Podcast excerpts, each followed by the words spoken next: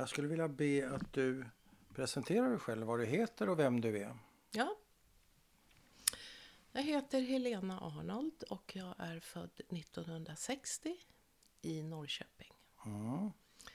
Eh, Jag bor i Stockholms län och har eh, fyra barn och är gift. Jag har två bonusbarnbarn, men förlåt, två bonusbarn som är uppväxta med oss i familjen. Och sen har jag två biologiska barn. Okej, så fyra tillsammans. Fyra tillsammans. Mm. Fyra i mitt hjärta. I ditt hjärta? Ja, ja, jo, men det är mina barn också. Jaha, dina barn. Och eh, varför... Ska du berätta lite grann om dina funderingar innan du bestämde dig för att ställa upp på den här intervjun kanske lite kort? Ja. Jag eh, kommer inte ihåg riktigt Bernt hur du och jag blev vänner men eh, jag tror att jag kontaktade dig för att jag läste boken Judejävel Ja, och blev väldigt berörd av den. ja, Och skrev då till dig och så blev vi vänner på Facebook. Ja. Och sen har jag följt dig och eh, podden om överlevarna. mm, Och eftersom mina föräldrar var överlevare så eh, ja, tycker jag ju att det är ett otroligt fint projekt. Det ni gör nu, att ni dokumenterar så här. Och då fick jag en tanke om att om ni någon gång skulle göra en podd om överlevarnas barn så är ju jag ett sånt barn. Och min historia kanske är berättad lite här och där men den är egentligen inte dokumenterad. nej, Så att, eh, eh, ja, då kände jag att, ja, då sa jag till dig, skrev till dig att om du någon gång ska göra en sån här podd så, så får du gärna fråga mig. Och nu har du gjort det. ja. Ja. Men då hade du vissa second thoughts, säger vi på svenska. Ja. Eh, lite funderingar på Ja. om du skulle ställa upp eller inte. Ja. Eller hur? Ja, Och jag bara är nyfiken på om du kunde kort Mm. eh, berätta lite om dem, varför du blev tveksam. För du, det var ju du som tog kontakt och bjöd upp så att säga. Precis. Och sen har du ändå känt att det kanske inte är helt... Alltså att berätta Lätt. Mm. min historia är helt lätt. Eh, det som inte är helt lätt, eller som jag har fått eh, överväga fram och tillbaks, det är om jag vågar gå ut med efternamn. Okej. Eftersom jag, eh, liksom många andra, är, vet att det finns en antisemitism Ja. idag som jag egentligen under hela min uppväxt i Sverige faktiskt aldrig har stött på förrän började väl, man läsa, började lite vakna på 90-talet med de här nazisterna och sen har det pågått. Så att jag vet att det finns en stor antisemitism idag och den är jag på ett personligt rädd, plan rädd för. För både mig och mina barn. Rädd, ja, men utsatt? Är inte utsatt. Inte utsatt? Nej. Nej okej. Men rädd att bli, Ja. kan man väl säga. Ja. Ja. Eh, Okej, det är lite grann om förspelet så att säga. Mm. Kan man kalla dig för andra generationens överlevare eller vad vill du kalla dig för? Vad är, vad är det för en? Jo, men jag är andra generationens överlevare. Ja, Mm. Men eh, inte överlevnad i den bemärkelsen som mina föräldrar drabbades av. Utan, eh, utan, ja vad ska jag säga där? Jo, man får nog kalla det det. Ja, mm. ja det får man nog Okej. göra. Mm. Men ändå helt andra förutsättningar än mina föräldrar Ja, hade. Jag menar, vuxit upp i ett land med fred och ja, ja. i princip utan antisemitism och liksom en ordning och det. Alltså inga, inga sådana yttre Nej. hot har funnits. Nej. Nej, du har inte suttit i läger. precis. Så man får ju liksom, när man kallar sig överlevare får Ja, man ha lite perspektiv på det. Men vad tycker du att eh, din historia ska ta sin början? Man kan ju börja snacka om dig, man kan börja prata om dina föräldrar, man Mm. kan börja här och nu och så vidare. Hur, var vill du börja? Jag skulle vilja börja med att prata om mina föräldrar. Mm. Och eh, därför att det är ju det som har präglat mig. Mm. Eller dem och deras upplevelser. Och så skulle jag vilja att vi rör oss lite kring just hur det var att växa upp i en överlevarfamilj. Ja. Sen är inte mitt liv speciellt intressant, eller vad jag ska säga, vilka vägar kanske jag tog i arbetsliv, eller det vet jag inte hur Allas intressant. liv är intressant. Allas liv är intressant, men just i det här... Det kommer du upptäcka. Ja, okej. Ja, men just i det här, just Jag i det förstår vad du här menar. Ja. så är det så här, ja men jag flyttade hit Ja, och dit och jag gifte mig med den och så fick jag det barnet då. Det, det, det är Okej. mer att jag har det jag har varit med om Ja. i den här familjen, hur Ja. det har präglat mig, hur det präglade våra relationer, Ja. hur, hur, eh, och också mig sen, vad jag har gjort för Okej. val i livet. Det kan man ju tänka sig. Vad har jag valt för typ av relationer och lite så. Vi börjar med mamma och pappa. Ja, okej. Vad hette de? Eh, mamma hette Estera Arnold. Nej, född. Jo, hon hette Estera Arnold, men hon var född Estera Tobias. Ja. Tobias. Tobias. Ja. Ja, och hon föddes i Otsvietjim eh, 1924. Ja, är det Auschwitz det Ja, som tyskarna Det som tyskarna döpte om till Auschwitz. Okej. Och hon eh, föddes alltså 1924 in i en väldigt, väldigt stor släkt i Polen. Och jag tror att de var ganska religiösa också. Hennes pappa hade typ ett Merchant står det i dokument jag hittade. Jag tror han hade typ ett ICA eller någon. Han var handlare. Ja. Ja. Och eh, mamman var hemmafru. Och eh, jag ska säga också förresten, mamma kallades Torsa. Ja, Ja. fint. Vet du vad dina morföräldrar hette? Ja. Eh. Laufer hette Ja. de i efternamn. Ja. Och... Ja, det borde jag ha kollat. Ja, Jag kommer inte ihåg det- det nu, men det kan nej, jag... nej. Så mamma är född Laufer? Mamma... Eh, eh, nej, ja, mormor är född Laufer. Mamma är född Tobias. Ah, ja, Ja. Eh, och mamma hade, tror jag, fyra mostrar och fem morbröder på Ja. morföräldrarnas sida. Ja, Alltså, de hade många barn, eh, min mammas mormor och morfar. Mm. Min mormor då hette Shaja och min morfar hette David. Mm. Och eh, i huset där mamma bodde så huset ägdes av hennes farmor. Mm. Och där bodde de som en, eh, ja ganska religiös men ändå vanlig familj på många sätt. Mm. Jag tror att hennes mamma hade någon sån här peruk på sig, alltså lite Mm. sådär som religiösa judar hade då. Mm. Och eh, mamma gick i skolan fram tills hon var 16 år, när judar inte längre fick gå i skolan. Och eh, Då är vi framme vid, nu ska vi se, 34, 1940 eller vad är vi framme vid? nej, eller så var det, nej hon var nog yngre. Ja, Därför att 39 kanske? 39, Ja. då bombade tyskarna eh, Otsvietjim. Ja. Och min mormor la sig över min mamma. Och Oj. hennes mamma hade också en lilla syster som hette Ja, Rut Rakel. Ja. Och mamma låg över dem under en säng. Ja.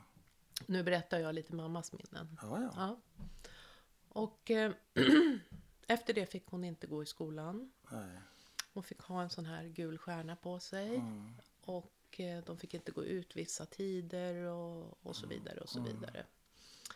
Och eh, 1900, nu ska vi se, 1942 då fick mormor Shaja och morfar David ett meddelande om att mamma skulle infinna sig på en po- polisstation i närheten för deportation. Och då gömde min, eh, alltså Shaja då, kallar henne Shaja för Mm. enkelhetens skull. Hon gömde min mamma i en källare, en mörk källare i en månad. Mm. Och där satt mamma som var en väldigt duktig sångerska Mm. och liksom övade olika skalor i mörkret där. I källaren. Ja, i källaren. Ensam? Ja, i en månad. Och vem gav henne mat? Ja, då, då smög lite olika släktingar dit med mat. Då. Men till slut så höll inte det längre därför Nej. att tyskarna höll då på att slå ihjäl min mormor Shaja. Ja. Så att eh, eh, slutligen fick de ta fram mamma för att det fanns också en lilla syster, Ja. ja. Rut Rakel där och då hotade de att ta henne. Ja. Så att då hämtade de hem mamma och när mamma då kom hem då var mormor Shaja svårt misshandlad och eh, hon var då 48 år och eh, gick med käpp och de hade sparkat henne och slagit henne. Och då var mamma hemma enkom för att packa. Och det gjorde hon. De få tillhörigheter man kunde ta med sig. Mm. Eh, och så satt hon på polisstationen tror jag i tre dagar hos SS där. Och sen så skulle de deporteras med tåg. Och då på stationen så kommer Shaja med matpaket. Ja, med lax, smörgåsar. Ja. Ja. Och också hade det varit en schism mellan min mamma och Shaja. För Shaja broderade väldigt mycket fina kuddar. Ja. Och mamma ville alltid lägga huvudet på de där kuddarna och det fick hon inte. Så plötsligt så står Shaja där på centralstationen och skriker Torsa, Torsa titta på mig. Här har du ett matpaket. Ta med en kudde. Förlåt för alla bråk om kudden. Ja, det är fint. Ja. Då klarade inte min mamma att vända sig om. Hon Nej. bara gick. Ja. Och det hade hon ju ångest över resten av livet Ja. sen. Att hon inte vände sig om och tittade på Och sin tog mamma. emot det. Ja. Ja, hon klarade inte det. Mm, hon fick en liten silverdosa med sig av sin far. Det hade hon i packningen. Men den försvann på vägen sen. ja, såklart. Sen kom mamma till tre olika arbetsläger i Tyskland. Jag har inte forskat tillräckligt mycket för att veta i vilka arbets Nej. till vilka arbetsläger hon kom. Men det var tre olika vapenfabriker Mhm. där hon arbetade. Mm. För, ja det var ju slav, slaveri helt enkelt. Och man fick någon soppa, någon halvgrön soppa med någon liten brödbit i. Så att hon, men, men hon, som hon sa sen, för sen blev det sämre om jag, jag ska berätta det också. Men hon sa sen att där var det ändå hyggligt. Därför Ja. att de ville ju ändå ha arbetskraft. Ja, va? just det. Eh, Men hon bevittnade ju otäcka saker. Bland annat när en, en lägervän till henne hade smitit över till fransmännen och, och fått en cigarett där, lånat en cigarett där. Och då skulle SS hämta henne för det som straff då. Och då drack hon någon syra och, och föll ihop där bland allihopa. Och så bar de ut henne bara. Hon tog livet av Hon sig. tog livet av sig. Ja. Men så småningom, eh, och det här tror jag var då, mamma var ju på något sätt så var hon ju, hon var ju stark min mamma, fysiskt väldigt stark liksom. Och eh, liten till växten, och så 1,51 men ganska satt. Mm. Stadig. Stadig, precis. Absolut inte liksom tjock på det, men satt Nej. liksom. Ja.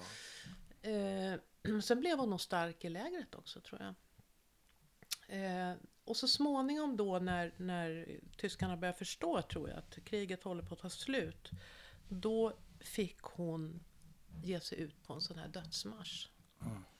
Med hundar, schäferhundar och nazister som skö- sköt folk efter vägen och sådär. Och det här var alltså i slutet av januari, nej, slutet av december eller början av januari. ja, 44, 45 Ja, alltså. 44, 45, tack. Och eh, eh, folk ramlade av efter vägen och försökte liksom bära varandra och hålla varandra sådär. Då. Och eh, de sprutade också, slängde kallt vatten på dem så fort de kom åt vatten. Så slängde de smutsiga judejävlar liksom. Och, ja, sådär. Men mamma var en av de som överlevde den här dödsmarschen och kom då till Bergen-Belsen. Mm. Och där satt hon sen i tre månader. Med betoning på satt. För att där kunde man inte göra annat. De, de satt ju i högar. Ja. Och sen varje dag så kom det in tyskar och plockade ut de som hade dött av svält och så. Och där berättade mamma vad hon trodde hade räddat henne. Och det var ju en, eh, ett läppstift som gick runt va? bland fångarna. Så att när tyskarna då kom in och tittade, beroende på hur sjuk man var, såg man hyfsat frisk ut, då eh, klarade man sig en, en dag till. Ungefär som du satte på dig läppstift nu då. inför Eh. Precis, inför fotograferingen. Ja, precis. Ja, du Ja, Men lite tryggare förhållanden. Ja, Ja, det- får vi precis. hoppas. Ja, ja, verkligen. Och det menar hon att det, det räddade henne alltså? Den, Ja, alltså det, men en listen. sak till. Eh, och det var när hon var i de här tyska arbetslägren, om man får backa ett steg. Mamma var ju en jätteduktig sångerska ja, just det. och eh, älskade poesi. Kunde recitera väldigt mycket poesi. Så att i de här vapenfabrikerna så fick ju hon uppträda. Vilket gjorde att de här tyska vakterna höll i henne när man skulle deportera Ja. andra. Va? Ja. Så att hon var lite omhöljd av de här tyska vakterna. Som, nej men Torsa ska vi ha kvar för hon roar oss. Hon sjunger för oss. Va? Och det där mådde hon ju inte bra av sen i livet. Det här kom ju upp hos henne så att där stod jag och sjöng medan mina systrar och bröder fördes bort. Men jag sa bara att du gjorde ju bara det som vem som helst skulle ha gjort. Så så var det. Mm. Eh, mamma var där i Belsen då tills befrielsen av engelsmännen 1945. Mm. Då hade de upptäckt eh, en dag innan tror jag att det hängde vita flaggor på, på eh, flaggor ska jag inte säga men alltså, Trasor kanske? trasor Ja. hade man hängt upp lite överallt. Ja. Och Var det- då på stängsel Ja, eller vad? ja, Stolpar? Ja, eller? överallt. Ja. Okej. Och kläder alltså, förmodligen. Sönderrivna kläder. Och ingen av vakterna var kvar. Och hundarna var borta. Men de var ju så skräckslagna och så sjuka så de vågade ju inte liksom tro att det var. Men det började stå i lägret att prata om att tyskarna har förlorat kriget. Och sen berättade hon då när det kom in en engelsk soldat först. Först kom han in ensam. Och då föll han ner på knä och började gråta och eh, korsade sig. Va? Ja. Eh, och sa, skrek någonting. eh, Vad har de gjort? What have they done? Ja. Liksom, någonting så. Oj. Ja, så var det. Var det en ung pojke det månne? Ja, det var det. Han var ung. Och sen kom det in fullt med engelsmän. Och Ja. eh, enligt mamma, de började liksom gråta och gå runt där. Och då hade de lite cigaretter, några kex och lite sånt där. De började dela ut lite sådär. Och eh, sen var det ju en organisation att få ut alla därifrån. Det tog ju flera dagar sen innan, innan de fick ut dem. Mm. Och då lades de upp på en lastbil och fördes till ett tyskt sjukhus. Mm. Vad sa du? La man upp dem på en lastbil? Hur då menar du? Travar man de här sjuka? Mm. Nej, de var ju... De fick åka last. De var så Ja, många. ja, ja, ja. Så att de fick gå och sitta då förmodligen. Ja, nej, ja. inte trava. Nej, för de nej. levde. De levde. Ja, de, jag menar det. De Ja, levde. Ja, Men de fick åka lastbil då till, Ja. eh, till det här sjukhuset. ja, ja, precis. Mm. Och där fick mamma... Mamma hade ju TBC tror jag. Eller, ja, Mm, TBC. Som så många andra. Ja. Mm. Så där fick hon vård av, eh, ja, av tyskarna då. Eller Röda Korset. Jag vet inte vilka som Nej. var. Nej. Och sen under tiden hon fick den här vården, hon var ju jättesjuk. Jag tror hon vägde 30 kilo. Ja. Och eh, det var ju så att det var en avdelning där det låg såna här då. De var ju inne i köket och stal mat och stoppade makaronikastruller under sängarna. Och, Man visste Alltså, aldrig när man skulle få mat nästa Nej, gång. precis. Och eh, en del dog ju också Ja. att de fick fe, för fet För kost. fet, ja. Sådär då. Men där var mamma i alla fall ungefär ett halvår. Mm. Och sen via Röda Kors. Jo, sen när hon, Röda Korset intervjuade ju alla för de ville kolla upp fanns det några överlevare kvar, några släktingar. Mm. Och när hon förstod att hon hade, jag tror hon hade tre kusiner och en morbror och han hade åkt till Palestina redan. Mm. Då, han hade varit i, i Auschwitz. Eh, men han åkte snabbt till Palestina. Då sa hon bara, "Va- vart vill du åka? Och då sa mamma, inte till Polen. Nej. Nej, för hon hade ju upplevt den starka antisemitismen i Polen också. Inte till Polen. Men vart vill du åka till då? Eh, inte till Tyskland. Nej. vart vill du åka då? Det spelar ingen roll. Nej. Ja. Jag ska visa sen, jag har hennes första pass. Kan Ja, du få se hennes ögon. Då är hon 21 år gammal. Och hennes mamma, pappa, syster, mormor, morfar, farmor. Alla mostrar och morbröder utom en då, den här Israel Laufer. Har du det här? Passet? Ja. Ja. Kan vi titta på det på en gång? Ja. Som du nämner det. ja. Hoppas jag har det här i nu. Ja, ja. Det här är min, egentligen min pappas. Mm. Eh, Det här ska jag visa sen. Det är pappas pass. Ja, det, ett hemskt pass i alla fall. För Ja. hennes ögon är bara... Här tror jag. Här. Titta på hennes ögon. Ja. Det är bara brunnar. Ja. Svarta brunnar. Ja. Hon ser ledsen ut. Ja. Det ska vi ta en bild på. Ja. Det är jättefint. Ja. Eller ja, fint är fel ord men Mm. Jo, men det är ett... eh, det är talande. Men hur, hur och när kom hon till Sverige? Vet du det? Alltså jag, är, jag tror hon kom hit 45, men det kan också ha varit 46. Mm. Kanske det står där i passet. Ser du det? Men det är väl polskt det där va? Det är inte... 48 nästan. Ja, där står det Tänk. 48. Men det... Nej, det är, nej, det är tidigare hon kom. Mm. Jag tror 46 eller någonting sånt där. Då, då, ja, vill du fråga något förresten? Eh, ja, hur? Och, och, hur Mm. Precis. gick det till så att säga? Ja. hon- Hon kom via Röda Korsets försorg och jag tror att hon åkte båt till Malmö. Jag tror det var, det kom, jag vet inte hur många båtar som kom i land, det kanske du vet? Nej, Nej, det vet jag vet inte heller. Nej. Men jag vet i alla fall Men att, så kom hon till Sverige. ja, till Malmö. Ja, men vi kan sätta eh, semikolon där tycker jag. Och så Mm. tycker jag vi backar och så tar du pappas historia om det är okej. Absolut. Bra. Eh, min pappa hette Wilhelm Arnold. Mm. Han var född i Wien av... Hans föräldrar hette Josef, Josef Bernhard Arnold och Matilde Arnold hette fa- min farmor då. Ja, alltså. just det. Eh, och de bodde på Latschka Gasse 3, mitt i Wien. Kan inte säga vilket distrikt eller så, Nej. men centralt i Ja. Wien. Eh, det var en enkel familj. Pappan var bokbindare och hade varit med i första världskriget. Och, och slagits för österrikarna, då, eller tyskarna. Och eh, vad farmor gjorde, det vet inte jag. Men jag vet att, att farfar där, Josef, han var bokbindare. Men också att deras... Ja, nej, nej. Pappa var född 1920. Ja, Ja. Och eh, han bodde som sagt med sina båda föräldrar tills äktenskapet upplöstes 1937. jaha. Eh, min... Vet du varför? Ja, eh, Josef spelade poker. Jaha. Mm. Och spelade bort Ja. liksom. Och min pappa sa att Josef hade blivit sjuk av första världskriget, alltså psyk, Ja, ja. psykdålig.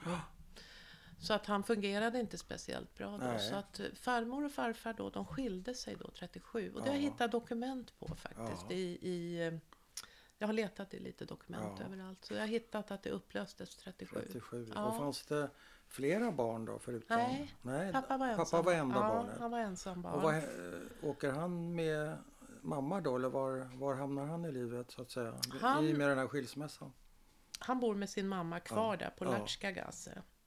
Men föräldrarna samarbetade om honom på något sätt. Ja. Så att jag tror att han var väldigt ombesörjd ändå. Ja, ja, okej.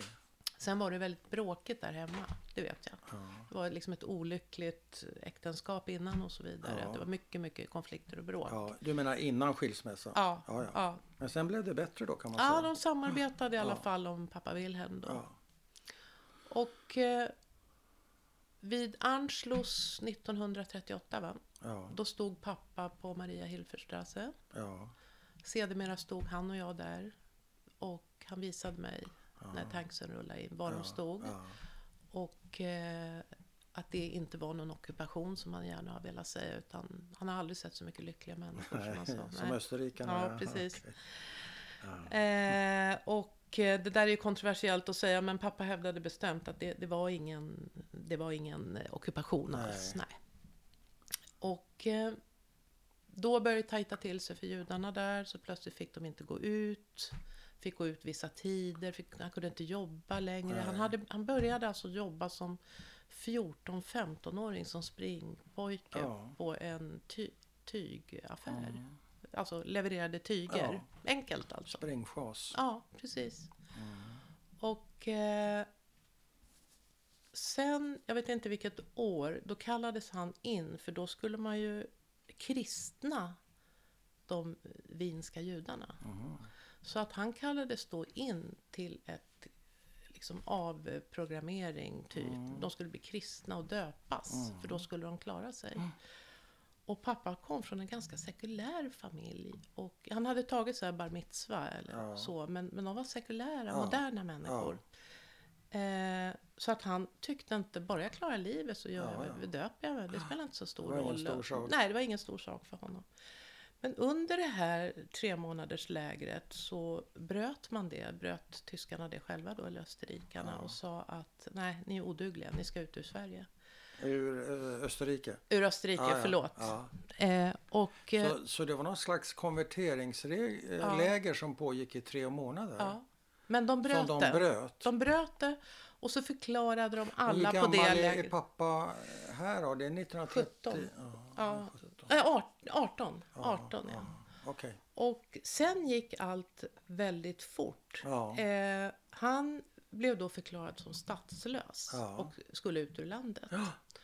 Och eh, familjen visste inte hur de skulle göra eh, med honom. Men alltså Josef och Matilde hade väl lite besparingar plus att de lånade av sina grannar sen pengar till en biljett så att pappa skulle kunna ta sig till Sverige Mm.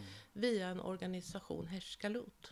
ja. Ja, Den här jordbruksorganisationen. ja, ja. Man skulle träna upp sig för att kunna komma till Palestina. Ja, tio månader skulle de vara i Sverige. Ja. Ja. Så han kom ut som en av hundra Ja, pojkar ja. då och, och kom med Kom man till tåg Skåne någonstans då? Eller Ja. var? ja. Ängelholm. Ängelholm, Mm. där fanns det. Så att han åkte...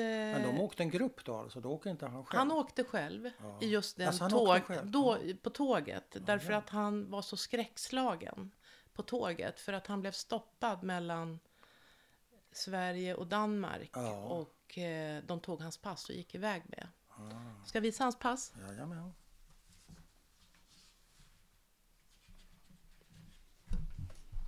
Här har du det Ja, här Ken J. Carter, ja. J. Det här är min pappa Wilhelm. Ja, snygg. Ja. Och så med såna här tumavtryck va? ja. Arnold Israel Wilhelm. ja Israel var han alla hette tvungna. i, han hette, ja just det, Ja. för att han var jude. Ja, precis. Ja, ja. Jag läser Arnold som förnamn, men det var Mm. ju efternamn. Och de är. Det är ju det också, men Ja, ja. vi heter det efternamn. Ja, fint är fel ord, men Ja, jo, men det får man intressant. säga. Jag har Intressant. inte ja. sett ett sånt där Ken Carter förut. Har du inte det? Nej. Nej. Tror inte det. Första gången. Men, Ja, men då kom pappa i alla fall. ja, och, till eh, Ängelholm. ja, men jag var måste han- nästan berätta det här Ja. för att han fick ju sin första re- rejäla kränkning då när han skulle in i Sverige för att då var det alltså... Inte första väl? Nej, förlåt. Men just i Sverige. just i Sverige. Den ja. första kränkningen i Sverige menar Då, du? precis, ja, Ja, i Sverige. ja, Ja, ja. ja, gud ja. Han hade ju fått stryk också där i Österrike Ja. av eh, såna här eh, rövare, som, nazistiska rövare som Ja. var ute på gatan och Ja, bara slog bara judar. Liksom. Ja. Ja. Och eh, då, när de stannade honom, jag tror att det var alltså någon gränspolis som stannade honom, så gick man iväg med hans pass. Ja. Och sen så kom de tillbaks med passet. Och då ville de känna igenom hans fickor och då hittade de en liten sockerbit. Jaha. Och då tittade den där vakten hatiskt på pappa och sa Ni judar, ni gillar socker. Ni. Ja, Okej. Var det här en tysk vakt? Ja, en en tysk svensk vakt. en tysk vakt. Mm. Så han sa det på tyska. Så han fick sina fördomar Ja, besannade. ja, socker liksom. Ja. Ja. Ja, vad tänkte pappa när han hörde det? Nej, han blev ju Han blev rädd. ja, rädd och kränkt. Och liksom, han, han, det där kom han ihåg hela livet, hur han hade sagt sådär. Och han kom ju då med en liten ränsel, alltså en Ja, ryggsäck. Han var 18 år då. helt själv. Ja. Kom till Ängelholm mitt i natten. Och sen började han att jobba på skånska eh, bondgårdar. Ja, Mm. Och parallellt så, pappa var väldigt så här eh, språkintresserad och eh, kulturell liksom. mm. Han kom inte riktigt från sådana förhållanden men han satt Nej. med, han lånade liksom eh, svenska tidningar och så hade han ett lexikon med sig och så satt han och översatte. Så att Så han inom förkovrade sig själv hela alltså. tiden, hela tiden, gjorde han Ja. hela livet. Så. Han förstod att svenska var en bra grej att kunna Ja, kanske. ja, Och han såg inte det här kanske som någon till... Han, skulle inte han till Palestina då? Skulle Jo. man inte, ja, och ändå var han motiverad att lära sig Ja. svenska. ja. Absolut. Ja, men hade, han kommit till Palestina hade han lärt Han sig det också. Ja, ja. Så att eh, Okej. det, det, han lärde sig många språk eh, Ja, senare han också. gjorde Men det, ja, han gjorde det. Men eh, han... eh, Så, så var det i alla fall. Och där jobbade han i sex år och ingen av oss förstår hur det gått till för han var Han var magert, ganska magert byggd och Ja. eh, väldigt så här intellektuell människa. Ja, Han var ja. inget praktisk. va? Nej. Utan han läste och reflekterade och lyssnade på klassisk musik. Och... Men vart skulle han ta vägen? Ja, precis. Men han, det gick ju upp för honom så småningom att det blir ingen Palestina. Nej. Utan att Och det, varför då? kriget kom. Kriget. Så att ingen av Nej, de här killarna i den vändan Nej, kom, kom till Palestina. Nej, utan okej. de var kvar. de var kvar. Så han jobbade ju då på olika gårdar. Ja. Eh, hos svenska bönder helt Mm. enkelt. I Skåne. Ängelholm och kanske Laholm någon gård också. Men Ängelholm Mm. framför allt. Mm. Och hur träffas mamma och pappa om det är dags för det? Om det inte är Ja, kan vi ta. hoppa allt för Nej, precis. långt. Hur går det till? Ja, men det går till så att efter kriget så flyttar pappa upp till Norrköping. För där fanns det ju en judisk församling. Mm. Och eh, han eh, var ju inte religiös pappa, men han ville vara nära en judisk kultur. Ja. Då Ja. ville han det. Och mamma, när hon kom så kom hon först till Dalarna till ett sjukhus. Och sen flyttades hon till en familj i Norrköping. Och eh, Vilken familj var det? Vet du? en svensk familj Ja. som hette Holmström. Ja. Ja, som tog hand om henne. det är som att ungefär ta en ensamstå, eh, ensamkommande idag. Ja, just det. Ett Eh, krigsbarn eller precis, sånt där. Ja. precis. Det var bara det att alltså, hon de fick ju börja jobba direkt då. Ja. Hade de en gård eller vad var det här för människa? Nej, det var en lägenhet. Hon hade Ja. eget rum med ingång som hon, hon betalade hyran Ja. själv. Och vad jobbade hon med då? då? Hon jobbade på något som heter litografen. Ja, alltså ja. enkla, göra kuvert. Ja, Ja, okej. ja, så det gjorde hon. Ja. Och pappa hade fått jobb på Yllefabriken i Norrköping. Ja. Eh, YFA. Det här Arbetets museum vet du där nere. Ja, just det. det är från, det, Jaha, ja, Är det den lokalen, den här Ja, tegelbyggnaden som är rätt Ja. så speciell? där jobbade han som vävare och spinnare. Parallellt med att Det han var det läste... praktiskt styrke igen alltså. Ja. Men det kom annat sen. För Ja. Han läste ju då på Hermods Ja. samtidigt. Ja. Och 1949 så har pappa en vän som ska flytta då till eh, Israel, Palestina och eh, ber då pappa ta hand om Torsa. Som han var god, den här mannen då var god vän med mamma. Och mamma var ju dålig, va? hon var dålig psykiskt. Dålig psykiskt, okej. Jag kommer till det sen, Mm. jättedålig. Mm. Och då bad den här vännen pappa att snälla ta hand om Torsa. Hon har Ja. ingen här. Nej. Hon behöver någon som tar hand om Ja. henne. Och på den vägen var det. Men så de blev de, gifte ett sig. par på en gång eller vadå? Hur snabbt? Kan jag tänka mig. Kan Ja. jag tänka mig att det gick ganska snabbt. Det gjorde alltså. det? Ja, det tror jag. Jag tror att det Var kan det tänka mig ett halvår. att, att överlevande eh, börjar på ny kula rätt så snabbt skulle du säga? Vet du någonting om det? Nej, men Nej. däremot vet jag ju att i mammas familj så var ju sex före äktenskapet helt otänkbart. Ja, ja, ja. Så av samma skäl kanske som vissa invandrargrupper idag är väldigt snabba på att Ja. gifta sig för att kunna ha någon slags intimitet. Så Ja. kan jag tänka mig Ja. att det var lite så på den tiden. Men var de från eh, olika klasser de här två familjerna skulle du säga? Ursprungligen? Ja, Mamma lite mer vadå, medelklass och pappa lite mer lägre medelklass eller någonting sånt där? Eller vad skulle du säga själv? ja, vad skulle jag säga? Eh, ja, klassmässigt tror jag att alltså, morfar, mam, mammas familj hade det nog bättre Ja. ekonomiskt. Ja, Och, men, och, men sen var det så här att enligt mamma att hennes mamma var en väldigt, alltså Shaja var en väldigt intelligent och läsande kvinna. ja, Medan morfar, handlaren David där, Ja. han var bara en enkel man med sin lilla bibel, gamla Ja. testamentet och gick i. Men mamma kom från väldigt religiösa okej. förhållanden, som det var Så ofta det i var Polen. både en viss klasskillnad och sen en viss skillnad när det gäller värderingar runt det judiska eller olika slags judiska inriktningar. Var det, utgjorde det något, något problem för dina föräldrar? Jättestort problem. Mm. Jättestort problem. För att pappa, pappa kom som sagt, de var sekulariserade på ett helt annat sätt än Ja. det mamma kom ifrån. Va? Så att han tyckte att hennes idéer, alla de här, ja, det var, han tyckte att hon hade tokiga idéer om Ja. allt möjligt. Det var, ja, Okej. rituellt. All right. ja. Ja, men de Mm, träffas. de gifte sig gifter 49. i Norrköping. ja, i synagogan där. Ja. Här är en bild. Stiligt par. Här är hon gladare, Ja. hörru. Ja, jag har några Väldigt. sönderrivna sådana foton också. Ja. Ja, men eh, ja, där var de glada tror jag. Ja. Det var 49. Är han lång, pappa? Ja, han är en Eller så mamma, ja, mamma 80. var ju kort. så Mamma var det- kort, men pappa var nog verkar lång. 1,85. Mm. Mm. nej, men väldigt stilig. Jättefin. Ja. Eh, men vi tar det med en gång. Du säger i förbifarten att jag har några sönderrivna också. Var, Mm. Varför är de sönderrivna och av vem och så vidare? Alltså, det här var ju två oerhört traumatiserade människor som Ja. eh, träffades Ja, och skulle försöka skapa en familj. ja mamma och pappa. Mamma och pappa. Och eh, eh, det skilde sig åt värderingsmässigt men framförallt var de traumatiserade, båda två.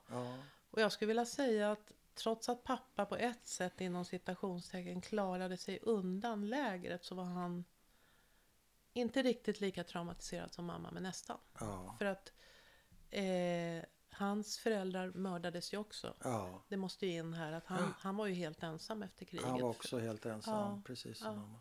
Men de fann ingen tröst i detta faktum att båda var ensamma på denna jord. Nej, det tror jag inte. Nej. Nej. Plus att mamma var dålig. Ja. Alltså hon var väldigt sjuk. Ja. Eh, jag har lite diagnoser här, kan räkna upp sen. Men Ja, jag hittade lite gamla papper och sådär. Va? Och eh, pappa stod, klarade, han orkade inte det. Utan han blev liksom... pallade inte nej, han pallade inte. Han blev galen av, eh, liksom, eh, på henne för att hon var så dålig. Men vad tror du var det ursprungliga? Var det att kompisen hade bett honom göra honom en tjänst, titta till Torsa? Eller Ja. fanns det en, en ursprunglig attraktion, någonting, någonting som kan likna en kärlek? Eller? Från pappas sida tror jag, men egentligen inte från mammas. Nej, okej. Det tror jag. Mamma Inte var nog glad att... nej. Nej, jag tror inte att hon egentligen... Jag, jag tror att det var pappa var mer i grunden liksom förälskad i mamma än vad hon var i honom. Så kan det ju vara. Mm. Eh, Och då sa du, vi, vi var på väg till de sönderrivna bröllopsfotona. Ja, just det, precis. Ja. Ja. Hur kommer de in i bilden?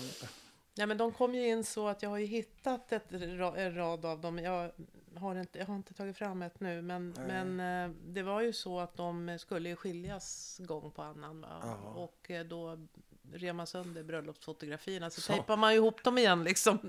Och så, re, och rev Och så fortsätter man. Och vem rev sönder dem?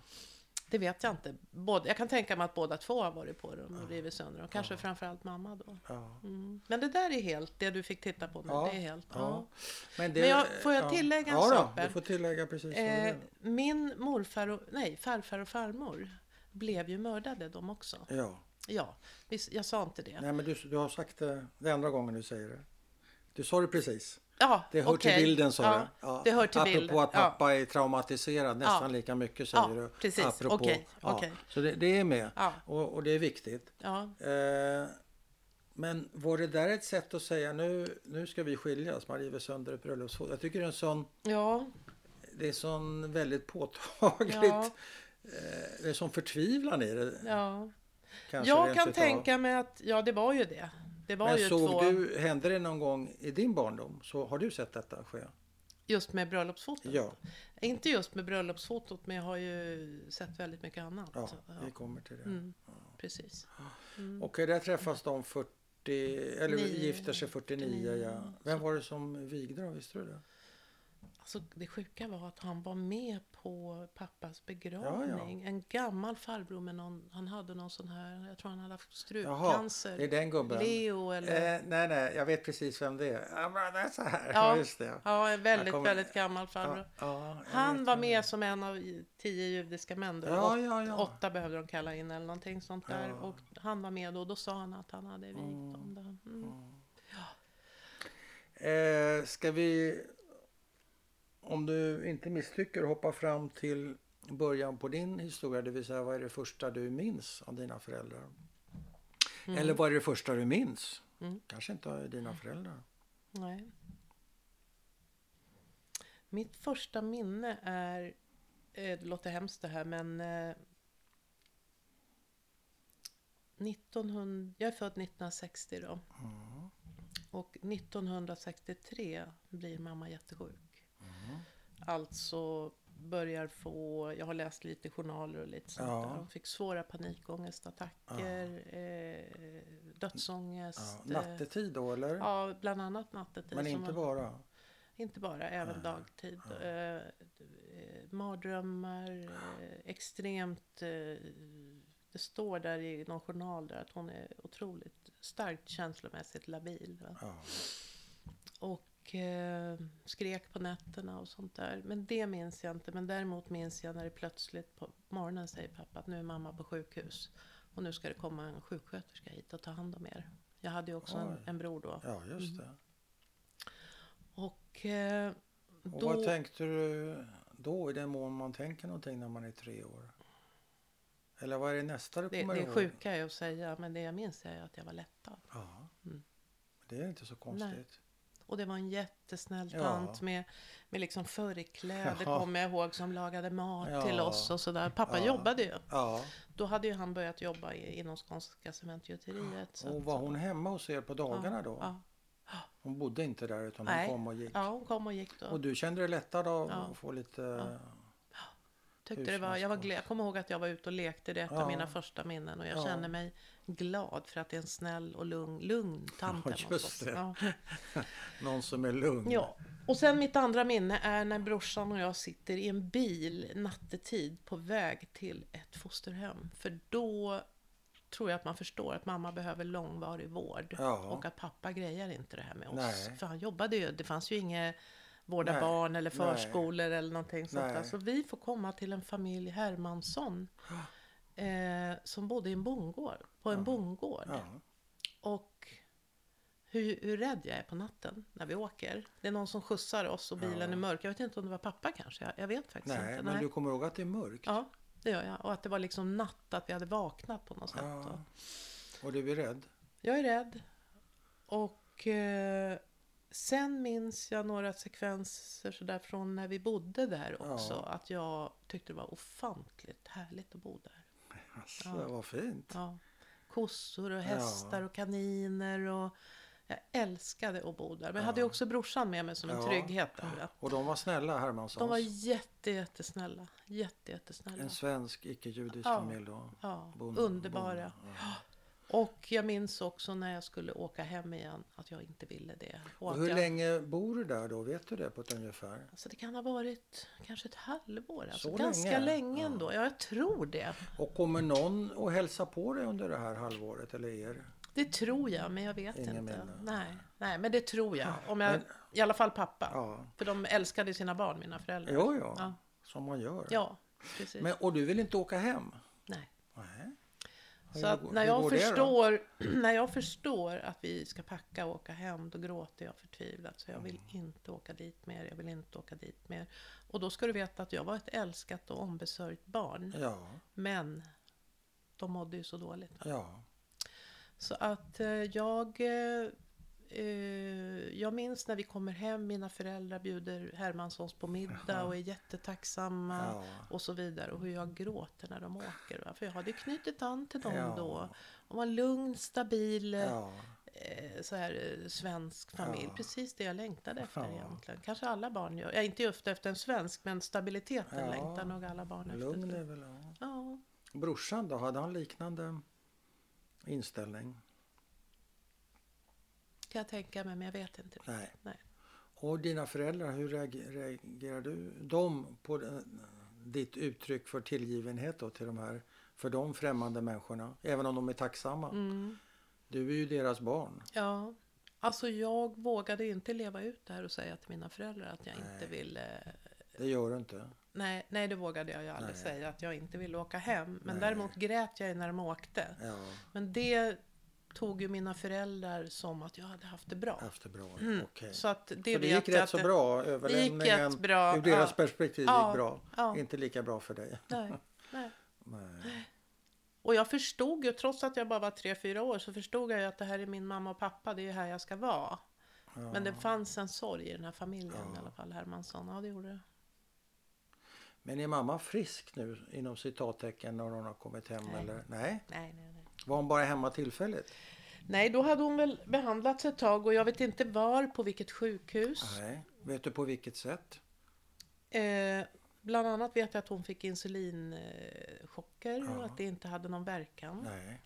Det är sånt som du har tagit reda på i efterhand? Ja, jag har, där har jag några läkarintyg. Ja, vi kan kika på dem. De är, det, det är på tyska. Jag vet inte, är du bra på tyska? eller? Mm, Nicht. Nej. Varför är det på tyska för? Inte här i Sverige? Jo, men det var ju tyska läkare som skulle skriva de här intygen som gjorde att man kunde få en viss pension. Ja, ja, ja. Eh, och eh, mamma uppbar ju då, trots att hon var otroligt sjuk, Mm. så uppbar hon endast 25 procent pension. Ja. Och det var ju det som Göran Rosenbergs pappa råkade ut för. ja. Han blev nekad allt. Mm. Det var då han tog livet av sig också. Och vad var orsaken till att hon bara får 25? Är det Wiedergutmachung du pratar om från tyska staten? Eller vad är det för Mm. någon? Ja. Mm. Och vad är orsaken till att hon bara, ja, bara får 25 procent? Nej, det, är, o- det är helt, ofa- det är helt Ja. ofattbart. Jag har... Får jag ta fram min iPad? Ska jag skriva... Eller jag har skrivit upp lite vad hon har för diagnoser Ja. här. Eh, idag är jag säker på att man skulle säga att hon hade posttraumatisk stress. Ja. För det var ju det. Hon, ham- hon fick svåra ångestattacker Ja. med svåra smärtor i kroppen Ja. och fick ingen luft Nej. och bara grät. Hon hade mardrömmar, svår ångest, däremellan depressioner. Eh, och sen så står det i det här intyget också att hon led av stark psykisk instabilitet. ja. Vad betyder det? Stark psykisk instabilitet? Ja, alltså det betyder ju att det var, o, ja, det var väldigt ojämnt. Man Ja, visste aldrig. Hon osäkert. grät ju väldigt mycket och man visste inte hur hon skulle reagera riktigt. Och nu var ju inte hon liksom... vad Ska vi säga? Det var inte så att hon var ond mot mig när hon mådde dåligt. Utan Nej. mer att hon... När hon mådde dåligt då ville hon väldigt tidigt prata med mig om sina trauman. Och det... Hon ville prata? Ja. Ja. Hur gammal är du då när hon ska berätta? Nej, hon började ju med det här när jag var 6-7 år. Ja. Och det var inte någon liksom, stod inte i proportion till min utveckling eller min Nej. förmåga att kunna ta Och in kunde du skydda dig mot det eller var du tvungen Nej. att sitta och lyssna på det? Alltså jag hittade ett inre skydd och blev ganska hård. Ja. Eh, jag, det gick inte att skydda. Mamma var också ganska så här gränslös ja, sådär. ja. Och eh, jag vet att jag grät mycket när hon pratade och berättade. Och att någon gång sa jag till henne, mamma jag är liten. Du ska inte berätta sånt här för mig. Jag är liten. Och då tror jag att jag var sex eller sju år. Jag vill inte veta det här. Nej. Så jag har ju fått skydda mina egna barn från henne också. För hon var ju Ja. på dem tidigt också. Men man va? kan säga att du var tvungen att bli eh, din mammas mamma. Ja. Du blev vuxen i förtid. Ja. För att liksom eh, klara dig. Men jag tog ju inte riktigt det. Och jag, jag gjorde ju då så att jag avskärmade mig och eh, fick liksom... Jag fick hela tiden sätta upp en garden Ja. för, för att skydda mig mot det här. eh, Men kunde hon ta hand om dig eh, ibland? Kunde hon trösta dig? Om du kom hem med mm, skrapade knän och Ja, sådär. Var hon, Mm. kunde hon, det kunde hon. då kunde hon vara förälder? Mm, mm. Men om jag behövde något känslomässigt stöd, det hade hon ingen förmåga. Nej. Utan det här praktiska, hon Det var ju kom- fantastisk på att liksom, ja du vet när man var sjuk, Ja. hon höll på att pyssla om Ja, en det, och- det passar henne. Ja, precis. Det passade henne jättebra. Ja. Att, eh, att, alltså jag var väldigt ombesörjd. Alltid fina kläder Ja. och alltid liksom gå till frissan och klippa Ja, håret. så det och yttre... det yttre funkade, funkade. alltså föräldrarollen, den yttre Ja. funkade jättebra. Ja. Men, men den här psykiska instabiliteten, den, Ja. den tog sig uttryck i, i, vad ska jag säga, i det inre. Att ingen förmåga till att, eh, alltså alla människor, alla barn behöver ju stödjas mentalt Ja. emellanåt. Va? Eh, så att, och skulle det du- hade hon ingen, det hade Skulle hon du ingen säga förmåga. så här efterhand att hon misshandlade dig psykiskt? Både ja och nej. Mm. Jag vet inte, en misshandel, hur... Alltså om du, om du är sjuk själv och kanske inte kan kontrollera Ur det. barnets perspektiv Ja, absolut. såklart. Ja. Jo, inte, det ur, var... inte ur hennes perspektiv, nej. ur ditt perspektiv. ja, jo, men det blev väl så. Eh, fast det, hon ville ju bara mig gott, Ja, min mamma. Men det är klart att hon...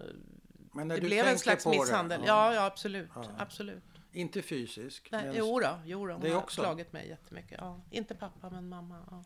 I, vilka sam, I vilka lägen kom... Är det örfilar vi pratar om Mm, eller är det mera mm. sofistikerade? Nej, hårda, väldigt hårda örfilar. Hårda Alltså från, örfilar? golv, från golvet till, eh, du vet, en sån där. En sån? Ja. Och så sa hon att, Så Ja. du nästan lyfter? ja, typ så. Och det var ju i och Och- för sig då när jag, jag provocer, alltså när jag började förstå hur tokigt det var med henne. Ja. Då började jag, nu skäms jag, jag började provocera fram Varför det här. skäms du för det? Ja, jag tycker det är lite så här. Du är ju ett barn. Vem var ja. jag som inte hade mer medkänsla med Ja, men hur gammal är du nu då?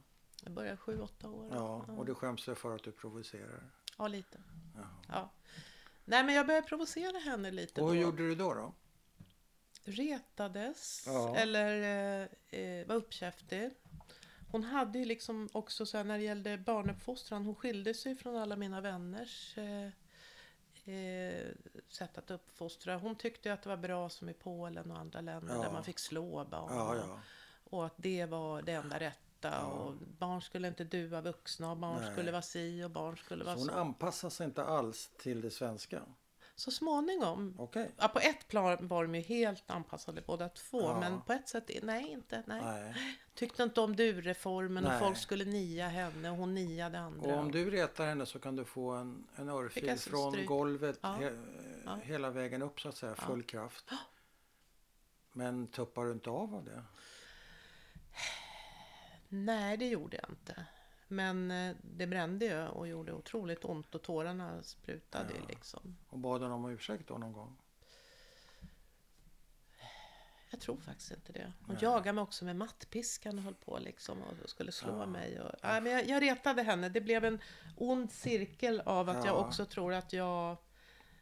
Jag, jag stod inte ut med hennes instabilitet. Nej. Jag stod inte ut med den. Nej. Och då har jag funderat så här, var det det att jag ville utlösa den på något sätt för att ta på mig skulden sen för att det var mitt fel? Ja.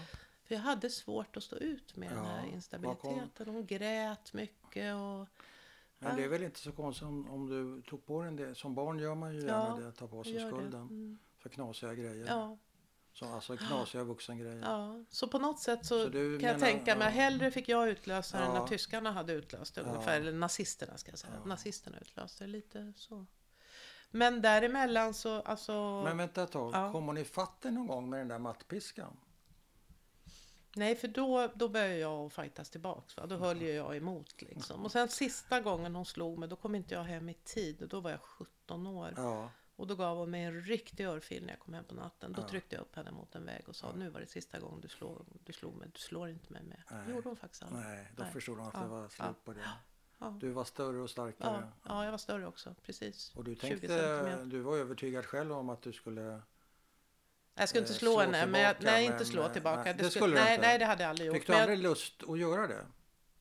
Nej, det hade jag för mycket respekt för. Men däremot så tog jag ändå tag i henne och tryckte upp henne mot en vägg och sa att det var sista gången du slog mig. Du rör inte mig mer på det sättet. Och då såg jag i hennes ögon att hon förstod att nu är det kört. det är kört. Ja. Gav det henne lugn? Nej, hon var aldrig lugn. Hon var aldrig lugn. Nej, Hon blev aldrig lugn. nej. Men hade hon lugna perioder kanske? Alltså jag skulle vilja säga att om jag jämför med 50 och 60-talet, det jag läst mig till på 50-talet Mm. och eh, jag har också läst någon utredning av hennes psykiska hälsa när pappa också har skrivit ett brev till psykiatrin om Ja. henne. Så kan jag säga att på 60-talet kom medicinerna. Ja. Valium och sånt Ja. där. Va? Och det var det hon, som gjorde att hon ändå Ja. fungerade så pass bra. För att mitt i det här känslomässigt instabila som hon hade ja. så var det ju liksom struktur, ordning, fint hemma, bra kvalitet på allt de Ja. köpte. Världens liksom, maten var liksom Ja. alltid mycket mat. Ja. Och du vet, det fanns en... Det var inte dysfunktionellt så. Nej. Att du vet att det är det här kaoset i, i Nej. familjen så. Utan det var goda vanor Ja. liksom. Och hygien och lägga sig i tid. ja. Så och allt det funkade? Det var, inte, det var inte jättebra. galet rakt nej, nej, igenom? nej, nej, nej, absolut tvärtom. Men, men känslorna var helt... Ja. Det var så här, då, det stod inte i proportion. Nej. Och bara man ringde i princip och berättade att man höll, hade petat ut en sticka ur någon av barnens Ja, finger ja, så ja. brakar de ju ihop där hemma. Liksom. Att det, det- jag vet inte om du känner igen det här Mycket från väl. andra intervjuer? Ja, Nej, men från min egen mamma. ja okej. Ja, som, inte har mamma. suttit, som inte har suttit Just i det. läger. Så det Nej. hör inte hit. Nej. Men eh, det var katastrof varje gång. Man skulle operera en nagel och sådär. Så, Gud, varför har du... eh, Varför har du... eh, Varför prövar du mig så här? Ja. Ja, Ja men morsan, nu är det för första är det min nagel för det första och för det andra är det inte någon större. precis. Det är ingen stora, Nej, ingen big deal. hon tog alltid över. Det, Jag vet. det låg alltid så Ja. här. Så det känner jag mycket väl. Ja, Eh, kanske har hört det från andra också för all del men jag kommer direkt att tänka på morsan. Ja. Men eh, mm, hur var det med pappa då? Var han en vårdande förälder, en vuxen i alla lägen? nej. Nu vet ju inte jag heller vad som är, när jag pratar om mina föräldrar så skulle jag ju vilja säga att Alltså jag vet inte vad som är skador av Nej, kriget. Nej, Vad som är vet- deras personlighet. Nej, Och sen vet jag också att liksom, inget kan ge allt och allt kan Nej, ge inget. nej. Men pappa, Jo, du skulle läsa upp eh, diagnoser va, för mamma. Ska ja, vi men ta jag tror det? jag gjorde det. Jaha, förlåt. Ja, det gjorde du ja. Det är Ja, jag som, eh, PTSD, ja, ja, ja, det är min det- egen lilla Förlåt. köksanalys, köksbordsanalys. Nej, men vi tar pappa. Pappa eh, var en... Får jag säga några saker om mamma och pappa kort? om Lite så. Mina föräldrar, alltså mitt hem var djupt kulturellt. Mm. De var intresserade av litteratur, klassisk musik, Mm.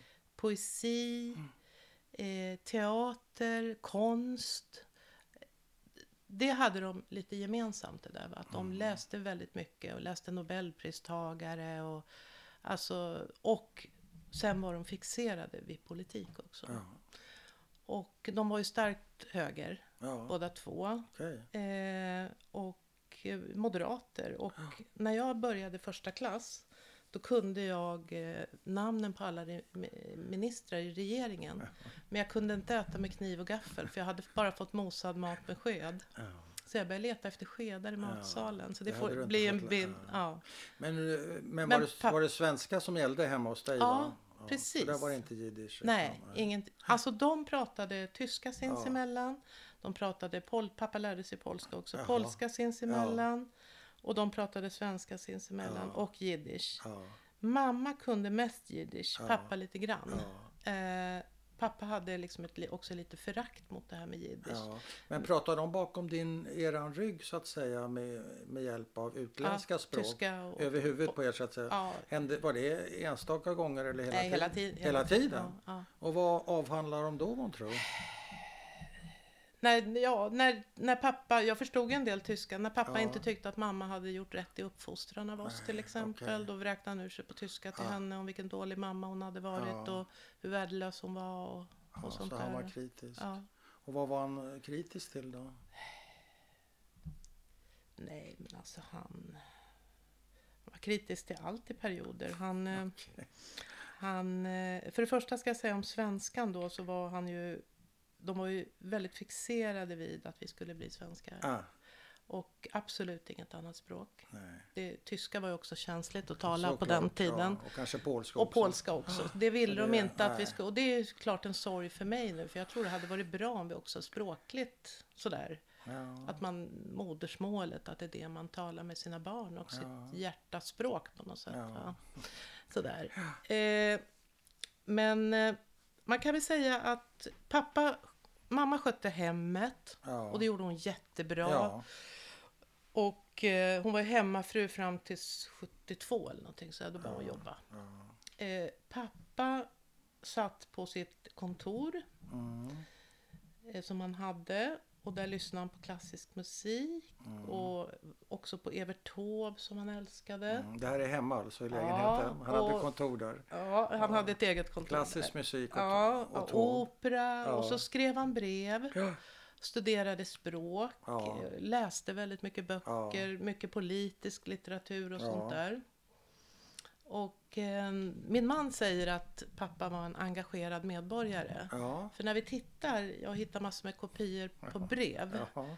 Då har han ju skrivit allt ifrån till amerikanska ambassaden till olika författare till liksom Olof Lagerkrans Ja, om någon ja, artikel. Och, ja. Precis, så han, var- han hade full... full Var han en engagerad förälder?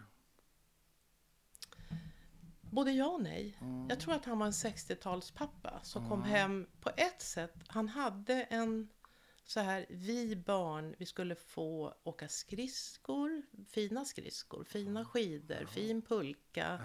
Eh, vi skulle ha liksom, vi skulle få färdigheter, simma, eh, allt sånt där måste vi lära oss.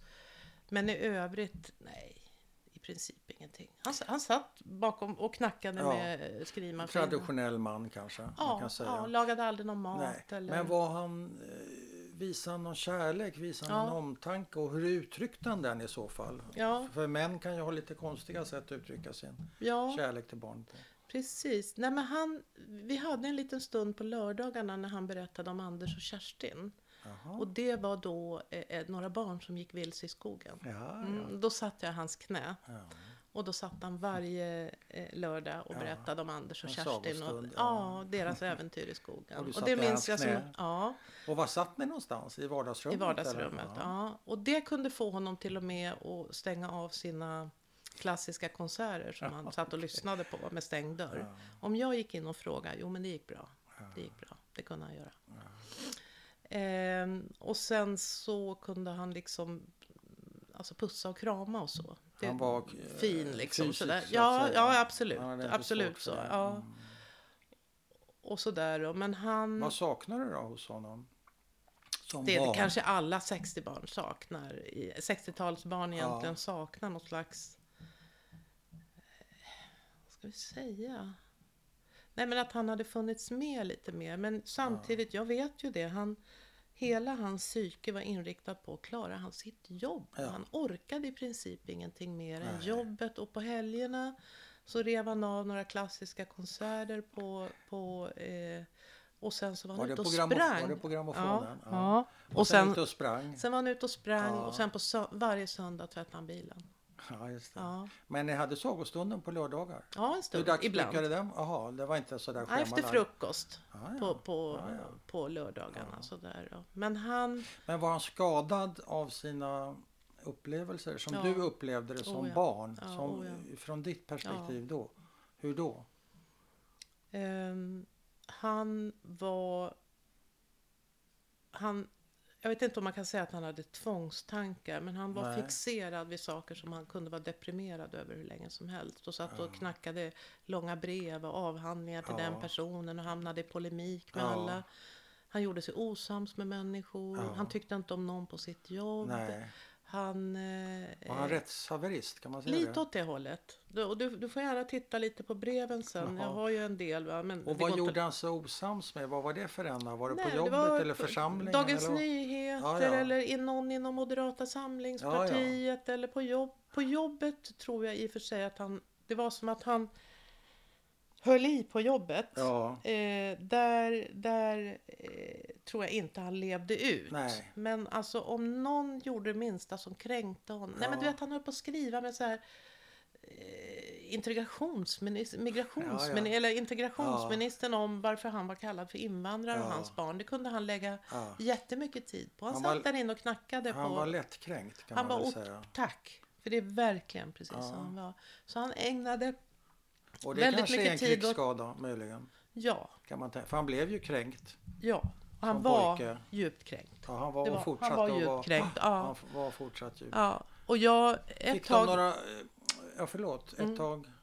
ett tag så var han inlagd på psykiatrin Ja. i Södertälje och då ringde jag dem för att då hade han behandlat mig på ett sätt som var Ja, jag hade det svårt med honom när han blev vuxen då. Han, jag var hans lilla flicka, men när jag blev Ja. vuxen och inte gjorde precis som han tyckte, Nej. då tog det hus. Va? Och då kunde han kunde säga precis vad som helst. Han Fast tappade- ing, han tappat fullständigt. Så även han var gränslös? Totalt. i När han blev arg. I de Inte situationerna? Mm. Mm. Kan du berätta om ett sånt exempel? Ja, kan jag göra. Jag ska bara säga att psykiatrin, jag ringde till dem Ja. och frågade dem vad är det med min pappa? Hur ska jag, har ni någon hjälp? Kan jag få någon handledning i hur jag ska möta min pappa för att vi ska undvika de här konflikterna? Ja. Då fick jag till svar att vi bedömer att din pappa, egentligen får vi inte säga det här, Nej. men vi bedömer att din pappa är krigsskadad. Ja. Och då går det inte att göra så mycket mer än att förhålla Nej. sig. Sa man då i alla fall. Sa man då. Ja. Och hur gammal är du när det här brakar loss då med pappa? Alltså det började väl egentligen när jag eh, när jag blev 16 då blev jag tillsammans med en, eh, väldigt en man som var väldigt olämplig för mig på Ja, ja. olika sätt. Ja. då Och så, med missbruk och allt Ja. möjligt. Och då började han liksom egentligen att gå loss på mig på Då olika sätt. det. Ja, då Ja. tappade han det. Ja. Men det kan jag ha en viss förståelse Ja. för, deras oro då. Den, Ja. den var faktiskt befogad också. Ja, ja.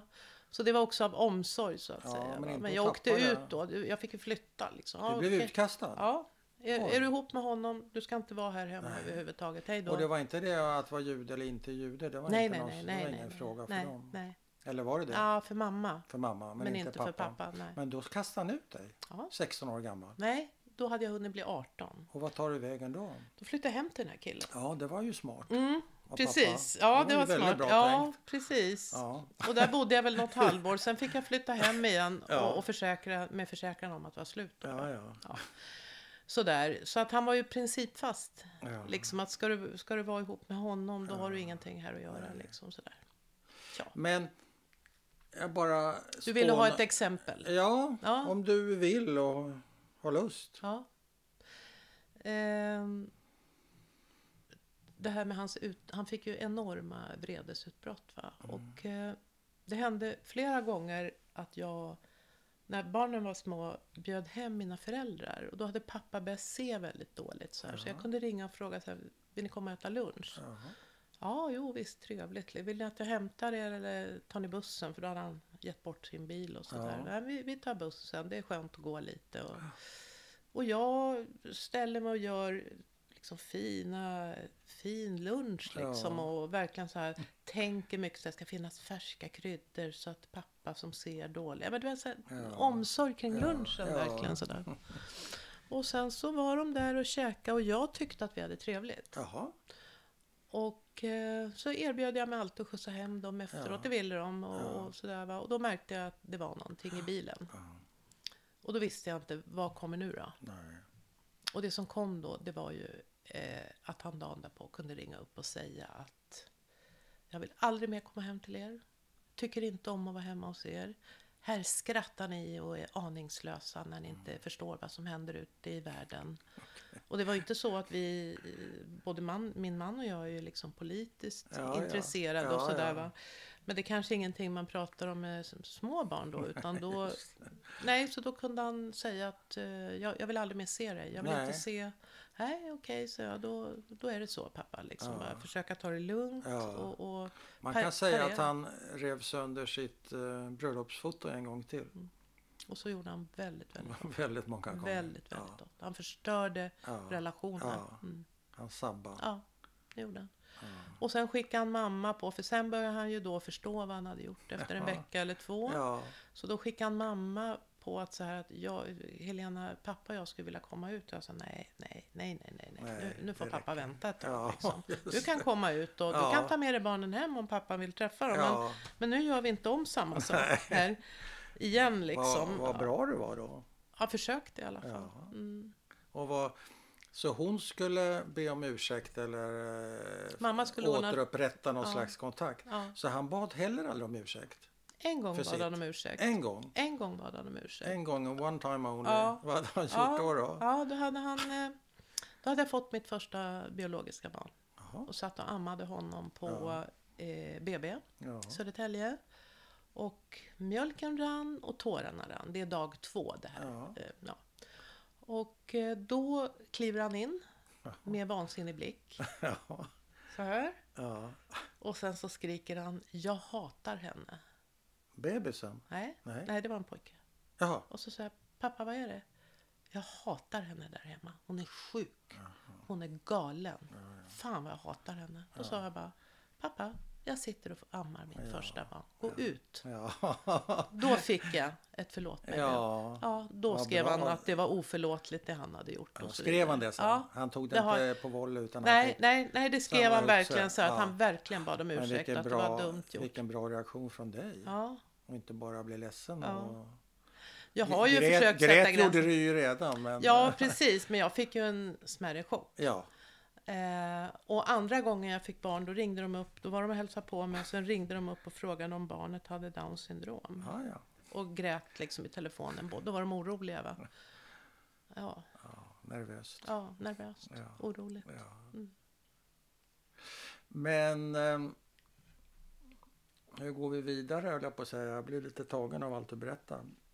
Vad pappa gjorde, det var det jag ville fråga. Mamma berättade ju allt. Hon överöste Mm. Ja. treåringen, fyraåringen Helena Ja. med behöver inte ta detaljer kanske om det inte är något speciellt. Men pappa, var han åt andra hållet så att han inte pratade någonting? Eller hur hanterar han Han var ganska tyst. Han var ganska tyst. Ja, men i takt med tiden så berättade han ju ändå en del. Ja. Men, han var hade väldigt vuxen så. Ja. Ja. Och han och jag gjorde ju faktiskt två resor till Ja. Wien Ja, i hans fotspår. ja. Eh, där vi var och tittade, han föddes och han bjöd liksom på allt. Han Ja. hade ju också den här underbara kulturella sidan, Ja. generös. ja. Eh, vi var på olika konserter, käkade Ja. god mat. Ja. Alltså, så han hade ju, det är viktigt för mig att... Ja, ja. Han låter bara så otroligt kolerisk. han var ju det. Ja. Precis vad han var Och att det det. bara smäller till i Ja. skallen på honom. Och Ja. sen är det, Ja. Sen hade han underbara sidor med. ja. Så att vi gjorde ju faktiskt några fantastiska resor han och jag på. Och då ville han ju Ja. liksom ta med mig då för att vi skulle... Jag tänker på din förlorade släkt, deras förlorade familjer. Var de som svarta hål för dig? Eller fyllde de ut de, en del av de här svarta hålen så att de blev personer? Var det någonting man pratade om? Ja, dåligt på På ett, pappas på sida. ett vuxet sätt. Jag menar inte det här Precis. mammas eh, Nej, galna. nej. Ja, del, delvis kan man väl säga. Ja, och Men- det var men så- från mamma då? Eller? Ja, men mamma berättade lite mer. Ja. Pappa, hade, pappa var tyst länge, men det var Ja. det jag skulle säga. När vi var på de här resorna, Ja. då började jag fråga honom. Och då var ju jag, sista gången var jag 40 tror ja. jag. Och då kunde han svara dig? Då kunde han svara, Okej. men sådär. Men din mamma, eller hur, hur var det med Ja. det där? Ja, ja, då kunde han det beskriva lite mer. Ifyllt, ja. Var din mamma död då eller måste jag fråga? Nej. hon levde Nej. fortfarande då? Men hon följde inte med? Nej, de kunde inte resa. Alltså, jo, det hände väl att de reste tillsammans. inte så gärna. Nej, Nej, nej, nej, nej, nej. Ja, precis. Nej, men pappa reste ofta själv och Mm. mamma reste också med någon, någon väninna ibland. Du, när vi är inne på våld, jag bara går, går igenom några punkter här som jag har som det är, vårt, eller det är mitt första samtal. Så jag punktar ner lite, jag brukar inte kanske ha så mycket av det annars. Men när det gäller våld, Mm. förekom det även våld mellan dina föräldrar? Nej, de kunde kasta saker på varandra. Mm. Men jag har väl aldrig sett att de har slagits. Men Nej. jag vet, inte, kasta, ja, det är en form av våld att Ja, det kasta kan man, det saker beror ju också. på vad det är för grejer Ja, också. Var ja. det porslin eller var det kuddar? Ja, det kunde nog flyga något glas och Ja, ja. kuddar också. B- böcker slängde de på Böcker, varandra. Ja. ja. Och det, det har inte varit bra att växa upp i kan jag säga för mig. Med böckerna just? Nej, Nej. våldet. Nej, förlåt. Ja, jag, jag kopplar dåligt. Ja, det är helt okej. ja, ja. Ja. Nej. Det, har det, det- tagit dig hårdare än de där örfilarna? Nej. ja, jag tycker det. Oj. Att se dina föräldrar eh. Kasta saker. Ja. Eller bråk. Det här Ja, bråket. ständiga, det var ju som jag minns det så var det i princip varje helg så Ja. började det lördag morgon Ja. och höll på till söndag kväll. Och det är klart, du förstår rätt tidigt att de funderar på att skilja sig med jämna mellanrum. Och det kan ju inte vara så... Alltså jag ville ju att de skulle skilja sig. Du ville det? Ja. det var Jag det ville komma ville. ur det där. Jag ville komma ur det där faktiskt. Och vem skulle du eh, bo med, hade du tänkt det? Med mamma? Ja, absolut. Jaha. Pappa hade ju ingen förmåga till att han skulle inte kunna sköta ett hem eller laga Nej. mat eller Nej, nej, så Eh, du liksom- valde det, ja, Ja. det praktiska ja, där. ja. Trots hennes... Ja, men jag var ju Sjukdom. nära på henne. Hon älskade ju mig, mamma. Och Ja. mellan det här tokiga så var hon ju också varm, rolig. Ja. Eh, Hur då rolig? Hade hon humor? ja, hon hade mycket humor Ja. och eh, mycket självdistans. Ja. Det hade pappa också. Ja, så de hade sina fina sidor. De hade jättemycket fina Ja. sidor och, och mamma var också så här ombesörjande. Jag fick alltid så här fina kläder och, och, liksom eh, behövde jag Var du någonting finare än dina få. klasskamrater? Finare, var du finare klädd än kompisarna? Alltså min mamma gick med mig till skräddare. Mm. Men det ville ju inte jag. Jag ville ju handla på Nej, H&M. Ja. Så att eh, det vet jag inte. Men vi hade Men liksom... det var fint. Ja, det var fint och vi hade liksom piano hemma. Ja, det var och rätt så borgerligt alltså kan man säga. Väldigt borgerligt. Centraleuropeisk borgerligt Ja, eller något sånt. ja, från en, verkligen, annan- verkligen, en annan verkligen. tid, en Ja. annan plats. Ja, det var väldigt borgerligt. Möblemanget också sådär. Oh ja, Ja. oh ja. Och köpte de soffa då var det ju Dux. Och köpte de bokhylla då var det från Tumba möbler. Ja. De har åkte ju aldrig till Ikea eller Nej. inte Hennes och Det Mauritz. passar nej, nej, nej, nej, Nej, nej. Då skulle man gå på Henrikssons herrekipering. Lite fint sådär. Ja, lite fina Ja. kanter. Men du, vad la de för några förväntningar på dig som barn? Skulle du säga? Hade de Ja, några det ska jag på säga. dig? Det måste jag ju få säga till dig. Mm. va? Du får säga precis vad du vill Eh, till ja, mig. de, pappa sa till mig en gång när jag blev ledsen över en grej Ja. att eh, du har ju kommit hit för att göra oss glad. Varför håller du på så här? Ja. Och hur jag drabbas av nästan som panik. Ja, jag har inte det, men Nej. alltså hur jag mådde väldigt dåligt av den ja, här det var meningen. ditt jobb. Det var mitt Och du misslyckades ju uppenbarligen. Ja. ja. Och när jag gjorde mina försök så blev inte det heller bra. Va? Jaså, vad då? då? Nej, till exempel det här med lunchen där. Ja, ja. Då kunde det, jag visste aldrig om det skulle falla väl Nej, ut då. Det visste Men hade aldrig. de kvar den inställningen till dig när du var i vuxen ålder också? Det, jag, jag såg en mer som en flicka när du flicka så att säga. Men det var fortfarande ditt fortsatta jobb Oh ja. att vara att göra dem glada. Och mina barn. Och dina barn. Ja, Din bror då, hade han samma jobb eller var, var, var han inställd på något annat? Alltså min bror, han är född med svårigheter. Ja, Så att det har varit Det ganska det. problemkantat. och ja. det kan jag inte säga beror Nej. på eh, uppväxten bara. Utan Nej, nej. det är lite annat okej. också. Där, Men det kan så. vi hoppa över. Ja, Det är inga problem. Eh, men det, det var förväntningar på det. Du skulle göra dem glad. ja, Och ma- tyckte mamma också det? ja. Mhm. Tror jag. Det var liksom ett barns uppgift att vara glad och ha klänning. Och jag var ju liksom lite så pojkflicka. Men hade du inga andra förväntningar? Att du skulle bli president eller? Nej, alltså de var ju väldigt glada när jag började plugga. Men Ja. alltså som jag minns det, alltså gymnasiet för mig, det är ett svart hål. Jag vet inte om jag läste en enda läxa, fick jag ta igen senare då. Men jag var egentligen väldigt duktig i skolan. Ja. Sådär va. Eh, men eh, min pappa han var så här, man ska arbeta och göra rätt för sig. Ja. Och sen vad ni gör, det bryr jag mig inte om. Nej. Men sen jag Så det var rätt så fritt i den meningen? Lite fritt så ja. Men sen när jag kom in på förskollärare, jag är förskollärare. Ja. När jag kom in på den utbildningen då Ja. var de ju oerhört lyckliga båda två. Ja. Det tyckte de var bra. Och sen när jag läste vidare också lite pedagogik och sånt där. Det, det, ja men det gillade de. Det var de glada över att jag liksom... Är det en tillfällighet? Att du blev förskollärare? Nej, Det är inte det? nej, nej det är det inte. Berätta. Nej men alltså, för det första är jag ju väldigt, jag är väldigt barnkär. Jag älskar Ja. barn, det gör jag fortfarande. Ja, det är- eh, men jag du kanske tror, har barnbarn? Jag har Mm. ett gäng. Ja. Jag, eh, jag tror att det var lite självläkning faktiskt. Att eh, genom att göra på ett annat sätt eller hitta andra vägar Att- så, ja. Så kunde jag göra skillnad för barn och Ja, lite sånt där. Va? Så att, eh, ja, jag Så tror du att det var reparerar dig själv lite grann? Lite, ganska mycket. Ganska Så, mycket? Ja, Hur har det ganska gått då? Jo men det har nog gått ganska bra. Jag tänkte säga, på det ett här du sa tidigare. Jag har legat och eh, visste inte när jag riktigt skulle passa in den frågan. Men du sa ju så här. När din mamma översköljde dig med de här förintelseberättelserna så skärmar du av. Mm. Jag blev ganska hård. Mm. Och då tänkte jag så här. Ja men hon verkar inte speciellt hård idag. Nej. Och då ville jag fråga dig det. Vad, vad tog den där... Var du hård då? Eller- Och är du hård nu? Och om du inte är det, vart tog det vägen så att Ja. säga?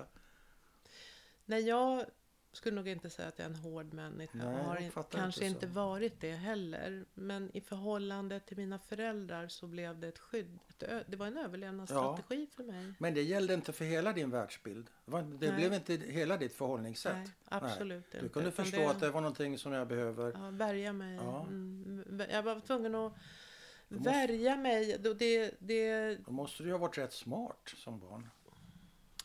Du, haft vet du, jag hade en strategi som jag eh, vill lyfta fram här. Som Ja. har hjälpt mig väldigt mycket. Och det är att jag eh, tittade väldigt mycket på fungerande familjer. Jaha. Och Det är smart. det är smart. Ja, det är smart. Eh, så jag har en god vän då som jag har varit vän med sedan jag var sex år. Ja. Och hon, hennes mamma var lärare, otroligt modern, Ja. hon var feminist, Ja. hon var politiskt Och hängde intresserad. du där i det hemmet? Då hängde jag där och hon var intresserad av oss Ja, barn. Ja. Och då såg jag på något sätt att så här ska ju en mamma fungera. Ja. Hon var lugn i Ja. sin barnuppfostran. Hon gav liksom ans frihet under ansvar Ja, och hon blev hon blev oerhört viktig för Ja. mig. Men också andra människor som jag har... Men berättade du det för henne någon gång? Vet hon om det? Ja, faktiskt när hon eh, låg för döden så Ja. skrev jag faktiskt ett brev om det här Du till henne. Ja, så det fick jag faktiskt läsa på hennes begravning sen. Och han hon läsa det? Ja. Mm, men jag fick också, hon ville att jag skulle läsa upp det på hennes begravning. Så. Fint. Och hon kände ju också min mamma. Ja. Så hon Men förstod eh, ju. tror du att det minskade din skam och skuld att få hänga där i den där lite mer hela familjen? Det vill säga, det är inte mig det är fel på, det, det är mina föräldrar. Ja, Var det så det var? mm, jag förstod det. Jag förstod det fattar redan det. när jag var tre år vid den där fosterhemsplaceringen. Ja, just Att det, här, ja. det här är inte bra va? Nej. Nej. Trots att alltså jag ser ju all den omsorgen jag har fått också. Ja, det är också bra. Verkligen. Måste man, ju, man, man måste ju ha två saker eller Ja, många helst. saker i huvudet samtidigt. Ja. Helst. Ja, Men ja. jag, jag kan verkligen se det här när pappa kommer hem med skridskor fast han inte kunde åka skridskor. Hur han gick med mig till skridskobanan. Och. Han skulle ha er åka griller för Ja, dig fast han inte kunde Och själv. skidor och Det är ju cykla. också väldigt fint. Ja, verkligen. Givetvis. Men du, Mm. eh, jag tänkte så här. Eh, du åkte iväg med två resor med pappa till, eh, var det Wien? Till Mm. Österrike? Och en, en resa till Finland också, till Helsingfors. Okej. Såna här kulturresor. Ja, men jag tänkte, i, fo- i, förin- det var ju lite mer eh, kopplat till kriget och förintelsen att ni åkte till Wien, tänker jag. Nej, Nej, var inte därför ni åkte dit? nej. Nej, nej. Det var för att han ville att vi skulle gå i hans fotspår. Ja, men det har väl med... Men eh, ja, vi pratade ju då om hans föräldrar och vi var och tittade där han bodde. Ja, så jag menar. Ja, Men hur, innan du började göra de resorna och botanisera lite i hans historia och sådär, hur, har du, eh, hur förhöll du dig till förintelsen och, och hur införlivade du den i, i din berättelse om, om du överhuvudtaget gjorde det? Ja men det har jag alltid gjort. Det är alltid en del av mig. Ja, Det är en del av mig Ja. och min historia eftersom det är mina föräldrars Ja. historia. Jag tror att jag var ganska starkt förbunden med det. Och jag har ju läst otroligt mycket om det. Men eh, i, framförallt i 20-årsåldern då började jag läsa otroligt mycket litteratur om det. Och Mm. eh, såg tv-serier och, och liksom sådär. mm. Och ehm, det var ett faktum helt enkelt Det var i ett mitt faktum. liv att det hade Ja. hänt. Men har, har dess betydelse förändrats för dig? Det vill säga, har det förstorats eller har det bleknat eller är det detsamma som det alltid har varit? Hur förhåller du dig till, till den här berättelsen? Till dina föräldrars erfarenhet men också givetvis sex miljoner judar kan man ju säga. Ja. ja, alltså det finns ju alltid med mig på ett sätt. Jag tänker nu är det coronatider och Ja. sånt där va. Jag är sådär, ja det är tråkigt att inte få träffa barn. Min man är över 70. Alltså Ja. sådär, va? Och eh, det är tråkigt att inte få träffa barnbarn och Ja. sådär. Men det här är ju bara peanuts liksom. Vi har ju Ja. mat på bordet och vi har en trädgård. Ja. Och, alltså, Så du har ett perspektiv jag har där. perspektiv och det har jag ju fått med mig. Ja. Att jag alltid vet att det kan vara så väldigt mycket värre. Och det, Jaha. det är för mig en styrka. Det, Det en det. del tycker att det är fel att göra så och menar att man ska vara i sitt lidande. Ja. Eh, inte bara jämföra. Men jag, Nej, jag jämför ganska Ja. mycket. Ja, det gör jag. ja, men om det är en hjälp så är det en hjälp. Ja, Det ju... för mig är det Men ser du, eh, ser du dig som bärare, om det är rätt ord, av dina föräldrars berättelser? Ja, på ett sätt. Och på ett sätt har jag liksom format ett eget liv och Ja. försökt att göra mig väldigt medveten om vad i de berättade, hur det formade mina föräldrar. Ja. Vad som var bra, som jag Ja. vill ta med mig, har velat ta med mig till Ja. mina barn. Men också försöka utelämna det som var dåligt. Va? Men man säger ju ibland att man ärver den här förintelsen från generation till generation till generation. Man Ja. pratar ju om andra generationer, tredje och så vidare. Ja. Och att det finns olika strategier för att försöka bryta den där eh, traderingen så att säga. Mm. Hur tänker du på det? Så att det inte det går vidare, eller har det gått vidare till dina barn? Är det, eller är det okomplicerat? Är det kompli- Förstår du vad jag menar? Att, Mm. hur tänker du kring det? Nej, men jag tycker nog att det är ganska okomplicerat och eh, jag tror att mina barn, eller jag vet att mina barn tycker att jag till exempel är ett känslomässigt stöd Mm, när de vill det. fint. Har de sagt det? Ja. Eh, man kan fin, alltid... Finare beröm kan man ju inte Nej, få. nej, så att jag har inte, alltså för, för jag kunde ju inte förvänta mig något stöd av mina föräldrar. För om Nej. jag skulle berätta någonting för mamma, då slutade det med att hon låg som en våt fläck och jag liksom sådär, men mamma, det, det var inte så farligt, det är ingen fara. Jag kunde Nej. aldrig förvänta Nej. mig Du kunde aldrig vara nummer ett i den Nej, nej, utan men det, det tror jag, där har jag, eller jag vet att jag är ett bra stöd till mina Ja. barn när de behöver mig. Ja. Det vet jag och det vet jag att de tycker. Men hur ser du eh, Hur ser du din uppväxt Hur såg du på din uppväxt då menar jag jämfört med hur du ser på din uppväxt nu om du förstår vad jag menar. Jag förstår vad Man kan ju omformulera saker och uppfinna sig själv och sin barndom och flytta hit och dit. Hur, hur ser det ut för dig? Ja, alltså, Vad tänkte du om din barndom då? jag led. Mm. Jag hade ett lidande kring framförallt de här konflikterna. Mm. Och- Mellan dina föräldrar? Det var det som var ja, riktigt... Och de här totala utbrotten från min pappa Ja, också. ja. Och mamma som snurrade till det väldigt Ja. mycket och som jag upplevde förstörde väldigt mycket Ja. genom att snurra till det. Ja, nu kommer det då. ja, det är min man. Ja, vad trevligt. Mm. Tjenare! Eh, hej! Hej, hej. Direktsändning. Ja, det, är direkt, det går ut nu Ja. över he- hela världen. Ska jag dra fräckis? Ja, gör det. Hej! Hej, hej, hej. Tack för att vi får komma på besök. Ja, vad trevligt. I dessa Det här koro- är- corona- känns som en eh, kulturgärning. Ja, det återstår att se. Ja, Men det känns, det känns bra. ja, ja bra.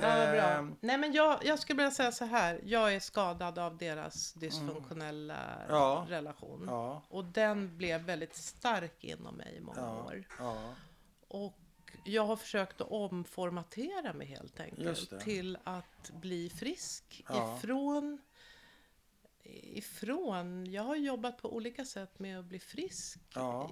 ifrån det mönstret som de hade. Ja. För jag hade ju också så att jag sökte mig som ung till destruktiva relationer med dysfunktionella personer också. ja, det, okej. det var ju så, det var ju där jag var hemma. Det var ju Ja. där jag, ja, det, det var ju så det skulle vara. Ja. Och också medberoende till de här...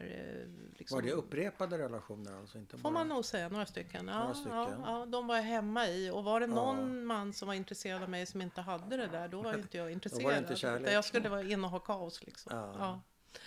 Ja. Eh, men det, där låter tycker jag att jag har tillfrisknat ifrån. Okej. Eh, hur bar du åt då? Förutom att du utbildade till förskollärare och Mm. så har, verkar du ha haft flera strategier. Det kanske inte var någon strategi, det kanske mer var tillfällighet, det vet jag inte. Nej, Vi spelar vi in. spelar in. Ja. Ja, aj, aj, aj. Ja. Eh, ja, hur har jag burit mig åt? Jag har... Eh, jag har... Eh, dels har jag jobbat inom antroposofiska verksamheter och läst en del antroposofi och låtit mig inspireras av ganska många tankegångar. Inte allt eller sådär, Nej. men, men vissa saker. Och en sån sak som jag fick med mig under alla år jag jobbade där, det var förmågan att försöka skåda saker objektivt. Jaha. Att inte dras med i sympatier eller antipatier. Aha. För det var jag van med hemifrån. Ja. Att allting skulle recenseras och tyckas om. Medan jag har lärt mig att försöka titta objektivt på vad var det som hände, hur gick det till. Jaha. Att jag behöver inte dras med. Nej. För det gjorde jag som ung. Ja. Drogs med av sympatier och antipatier. Och där har jag fått en helt annan förmåga till att objektivt titta på saker. Ja. Inte dras med så mycket. Det har Nej. hjälpt mig jättemycket. Ja. Vill du... ehm, Vi kan ju fortsätta prata länge, men jag tror att jag är rätt så nöjd. Men du kanske vill lägga till någonting? Ja, får jag det? Du får lägga till hur mycket eller lite du vill. Ja. Jag skulle vilja Du prata dina- lite om det judiska. Ja, bra. Eh, för jag tycker att det är någonting som också präglade vår familj väldigt mycket. Kriget kring det judiska och den Mm. judiska identiteten. Mm. Är det okej? Absolut. Ja. Ehm, mina föräldrar levde ett judiskt liv när vi bodde i Norrköping. Mm. Och så flyttade vi till Rosersberg. Vi flyttade med pappas arbete och så flyttade vi till Södertälje. Mm. Och i Södertälje tog pappa reda på fanns det tre judiska familjer. Mm. Och då eh, inget judiskt liv. Nej. Och då började på något sätt en kamp mellan mamma och pappa om hur vi skulle leva. Mm. Där pappa från början, alltså de skickade mig till Bålsta, eh, sån här barnkoloni. Mm. För små barn. Små barn, Ja. precis. Långa... Jag vet inte om det var två gånger eller en gång. Nej. Men två veckor. Och jag, det enda jag ville, jag kände mig helt malplacerad. Ja. Och det enda, de var jättesnälla de som jobbade där. Det var fint, det låg vid vatten om jag Ja. inte missminner mig. Jag. Men jag ville bara hem Ja. till mina kompisar och leka och vara ett vanligt barn. Och eh, sen skulle jag börja läsa hebreiska hos en av den här judiska familjen. Då. Det fanns en, ett par här som hette familjen Wächtler. Ja. Och då skulle jag onsdagskvällar gå och läsa hebreiska. Jaha. Och det kändes också helt fel för mig. För jag var liksom, jag hade ingenting med det där att göra. Och vem hade bestämt det här då? Mamma och pappa. Ja. Mamma och pappa tillsammans? Ja. Så det var de överens om? Mm. Och sen försökte väl, mamma kom från religiösa eh, förhållanden. Så hon tyckte att vi skulle fira sabbat och Jaha. pesach och Jaha. allt vad det var. Och pappa blev mer och mer bara, nej, jag Nej. vill inte mer. Eh, så det var ett ständigt pågående krig där hemma. För Ja. att pappa började ta hem en julgran och ge oss julklappar. Ja. Mamma satt och grät och menade att det här var en synd. Att Ja. vi, typ, vi skulle bli straffade. Och ehm, Det var inte så mycket teamwork kan man säga. nej, inte ett dugg. Nej. Inte ett dugg. Och eh, pappa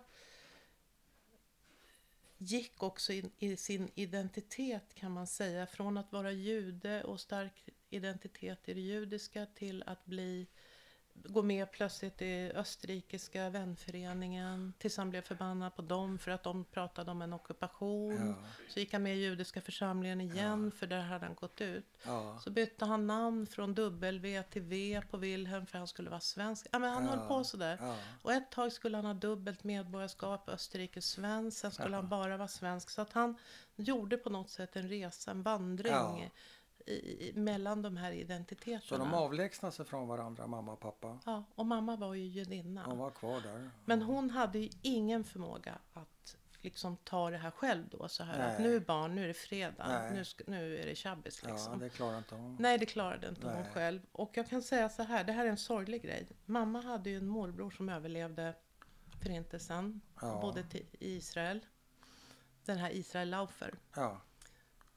De hade brevkontakt i alla år tills han dog 75. Ja. Hon vågade aldrig bjuda hem honom eller åka till honom för att vi inte var troende judar. Oj. Hon tog det på sig. Visst är det hemskt? Och framförallt onödigt. Ja, men det Var- gjorde hon. Var och, var och en får ju skämmas för sitt. Ja, men det, hon stod inte Men ut med att eh, vi inte var på... liksom. Nej, nej, hon skämdes så mycket så att Ja. hon vågade Stackarn. aldrig... Eh, Och du uppfattar det som en genuin önskan, inte en förevändning för att slippa? Ehm, att hon ville träffa sin morbror. Ja, att hon inte gjorde det. Jag tror det bara var skräck. Ja, det var bara skräck. Skam, skam var, och skräck och ja. självhat och Hon det där sa- självhatet. Ja, hon satte inte upp massa onödiga trösklar för att slippa träffa honom, utan hon ville träffa honom. Hon ville träffa Ja. honom. Mm. Ja, det är så. Men hon vågade inte för Nej. att hon skämdes så mycket. Ja. Mm. Så så var det. Så det vill det jag säga lite om det här Ja. med judisk Och hon hade identitet. inte förmåga att knyta an och skaffa sig en kompis som, där de kunde gå i synagogan eller hitta på något, baka något challebröd eller förstår vad jag Nej. menar? Nej, Hon hade inga lösningar på sina problem. nej, Nej. nej. Hon klarade inte det. Nej, det gjorde hon inte. Och pappa han flackade i, i tillvaron. Han var ju Ja. lost på sitt sätt kanske. Ja, det men var de ju båda två. De var lost båda två. Ja, Ja, ja. Men de skaffade sig så småningom, hade ju de ganska mycket polska vänner ja här i icke-judiska. Södertälje. Icke-judiska Ja, ja. då. Och, Så och där som de. Ja, så mamma fick ju prata polska och en av dem hade ju suttit i koncentrationsläger själv och sånt där. Men nej, här, här i Södertälje Nej, men visst hade mamma kunnat åka upp till Stockholm själv Ja, och gå i synagogan ja, eller skapa sig ett liv. Nej, det, nej, hon Men hon var inte social kanske riktigt på det sättet. Nej, hon klarade inte det. Nej, Nej, nej, nej. det gjorde hon inte. Ha, är det något Mm. mera vi ska avhandla? Kolla gärna. Ja, får jag göra det? Ja, då. Eh, Hur är det för dina barn? Har de en, ett komplicerat förhållande till eh, förintelsen och det judiska? Om de nu har ett förhållande till dessa två de har ett dåligt förhållande skulle jag vilja säga till det Tycker du? judiska. Sitter, Ja, du det tycker och, jag. sitter du här och precis. kritiserar dina barn? Nej, absolut inte. Det beror ju på mig. Jaha, det beror på dig? Ja, alltså jag har inte förhållit mig till, vi har ju inga judiska traditioner Nej, i det här hemmet. inte- Jag träffade en man med kristet ursprung och Men ni har inte tänt några ljus eller sjungit några nej, sånger eller nej, sådär? jag kan inte. I och med att jag inte fick det så har jag inte gjort det. Och jag har inte heller, jo men jag har träffat några judiska vänner här i Järna några gånger Ja, och firat ja. Pesach Ja, med barnen. Det har ja, jag faktiskt ja, ja. gjort.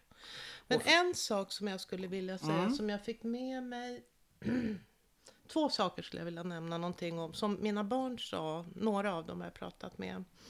Mm. Eh, som, jag, som de tycker att jag har fått med mig och som de nog har fått med sig lite av också och kämpar med. Mm. Det är ju dels mitt ständiga nyårslöfte om att nästa år ska jag hata mig själv lite mindre. Ja.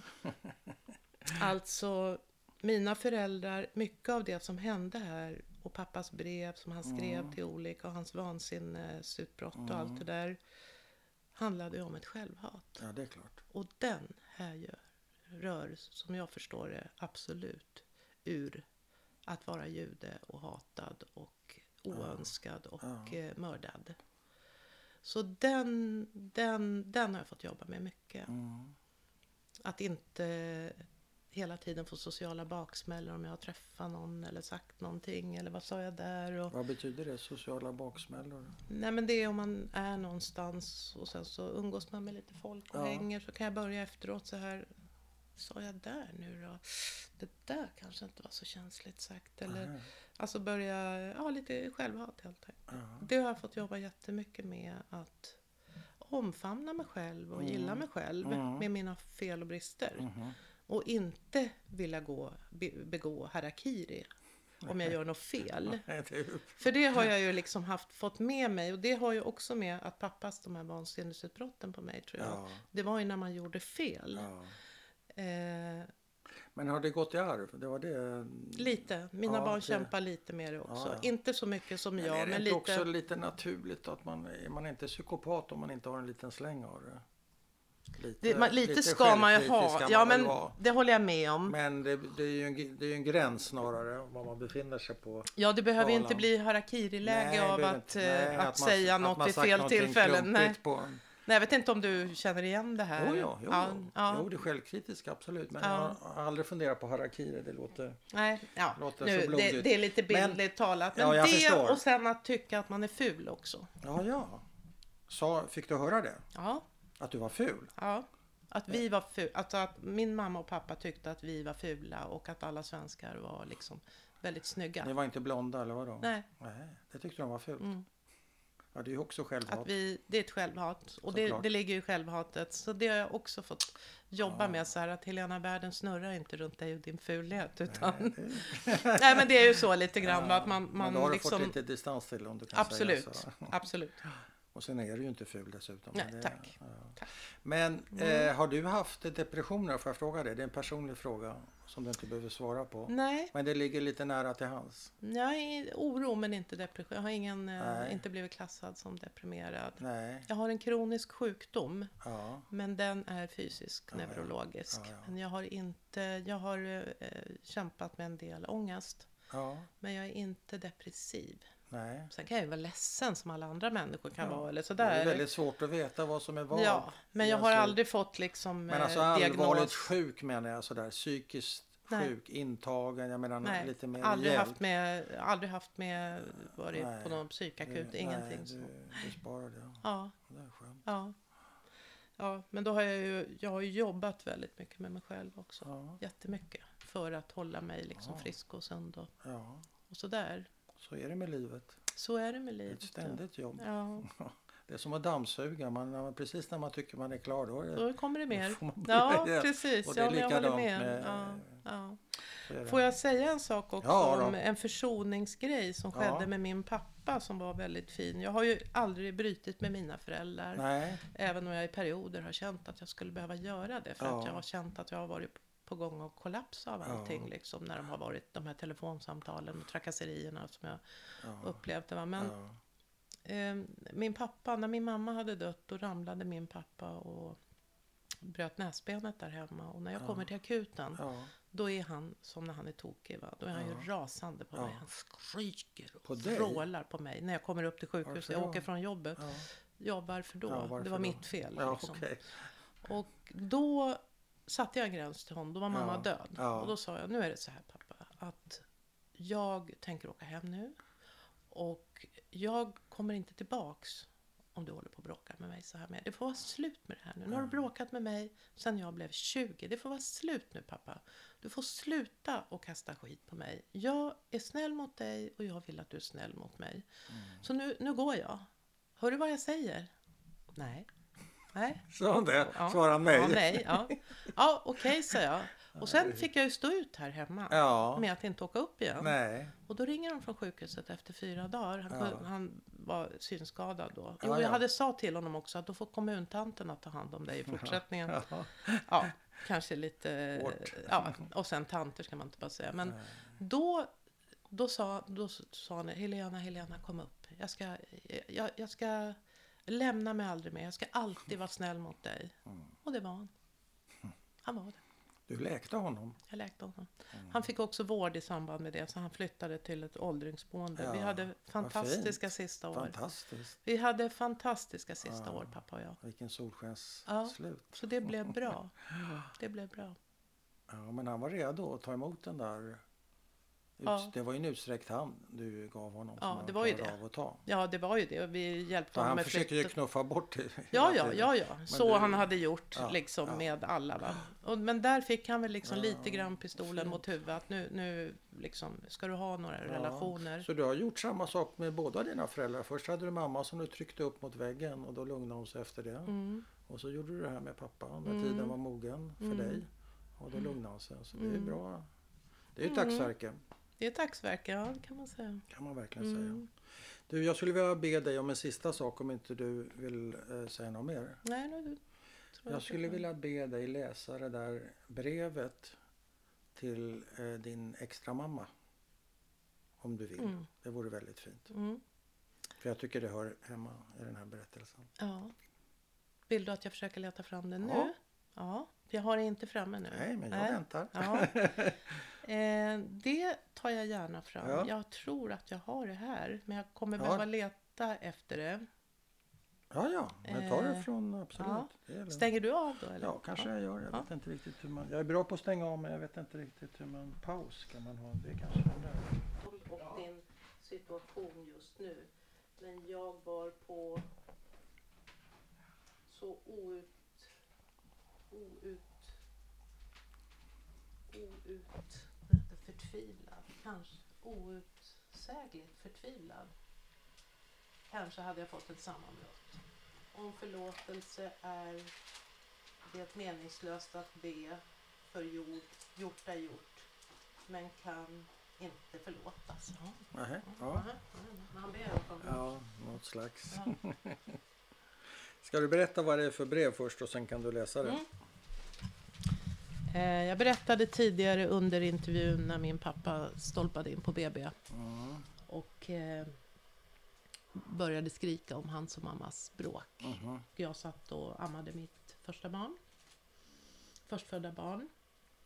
Och eh, mitt förstfödda är född 16 augusti. Den 18 augusti kom pappa in. Och jag bad honom gå. Och den 20 augusti samma år, ja, några dagar senare så får jag ett brev. Kära Helena. Jag har inget annat att skriva till dig. Det jag gjorde mot dig var dumt hjärtlöst och grymt med tanke på ditt tillstånd och din situation just nu. Men jag var så outsägligt förtvivlad. Kanske hade jag fått ett nervsammanbrott. Om förlåtelse är det meningslöst att be dig, för gjort är gjort och kan inte förlåtas. Pappa. Mm. Mm. Tack. Ja, det var en slags förlåtelse. Ja, jag förlät ju honom direkt. Ja, Jag tyckte det var fint och... det var jättefint att kunna Det var bra. formulera det. Mm, Och sen har vi ditt brev då. mm. Kanske inte behöver ge någon bakgrund här nu eller kommer du att klippa till det Eh, här? Ja, det vet jag inte riktigt. Du kan bara eh, kort Mm. presentera. Okej. Eh, jag berättade om min vän Louise mamma Agda som eh, jag eh, fann som en stor förebild i mitt liv. Och som hade ett föräldraskap som jag tyckte var fint och bra. Och som fastnade hos mig och som hjälpte mig att inte... Eller att bli någon annan än, än kanske vad jag annars hade blivit. Mm. Mm. Och eh, det här är skrivet 16 5 2011 och Agda ligger för döden kan Och man varför säga. bestämde du för att skriva det här så sent så att säga?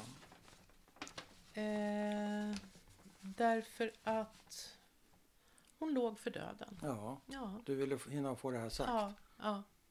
Och sen så... Och hade du funderat på att skriva tidigare eller var det någonting som utlöstes av det faktum att Ja, det du snart- utlöstes Ja. av eh, faktumet att hon skulle gå bort. Att Ja. jag ville tala om för henne hur mycket hon hade betytt för Ja. mig. Och eh, tyvärr fick jag också ett svar, men jag har inte det svaret här nu. Nej, nej. Nej. Och då skriver du. Då skriver jag som följer. Eh, gärna den 16 femte 2011. Kära Agda. Jag vill sända dig en hälsning och berätta att du Agda var den första vuxna människa som såg mig som människa. Jag tror att vi 60 60-talsbarn var ovana vid det. Det intresse och den respekt du visade mig gav mig så småningom mod, styrka och självförtroende att vara Helena, mamma och yrkeskvinna.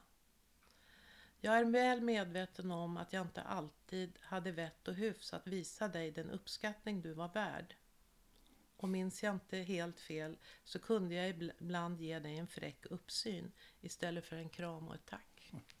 Förlåt mig för det. Agda, jag är dig evigt tacksam på flera sätt. Du var den första feminist jag stött på, du blev en förebild för mig. Du förespråkade jämställdhet mellan könen, vilket på den tiden var en ovanlig företeelse. Den kvinnliga underkastelsen jag tidigare stött på tedde sig löjligt för mig som älskade Pippi Långstrump.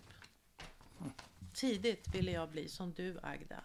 Stark, duktig, självförsörjande och beläst. Jag kan väl inte skryta med att det blev riktigt så. Och sen en glad gubbe då. Lite humor. För, ja. Tidigt i mitt liv såg jag vilka du månade om. De allra minsta och svagaste. Och det tilltalade mig ända in i hjärtat. Kanske var det därför som mitt yrkesliv kom att handla om just det. Att värna, se, bekräfta, förstå, lyfta och hålla om.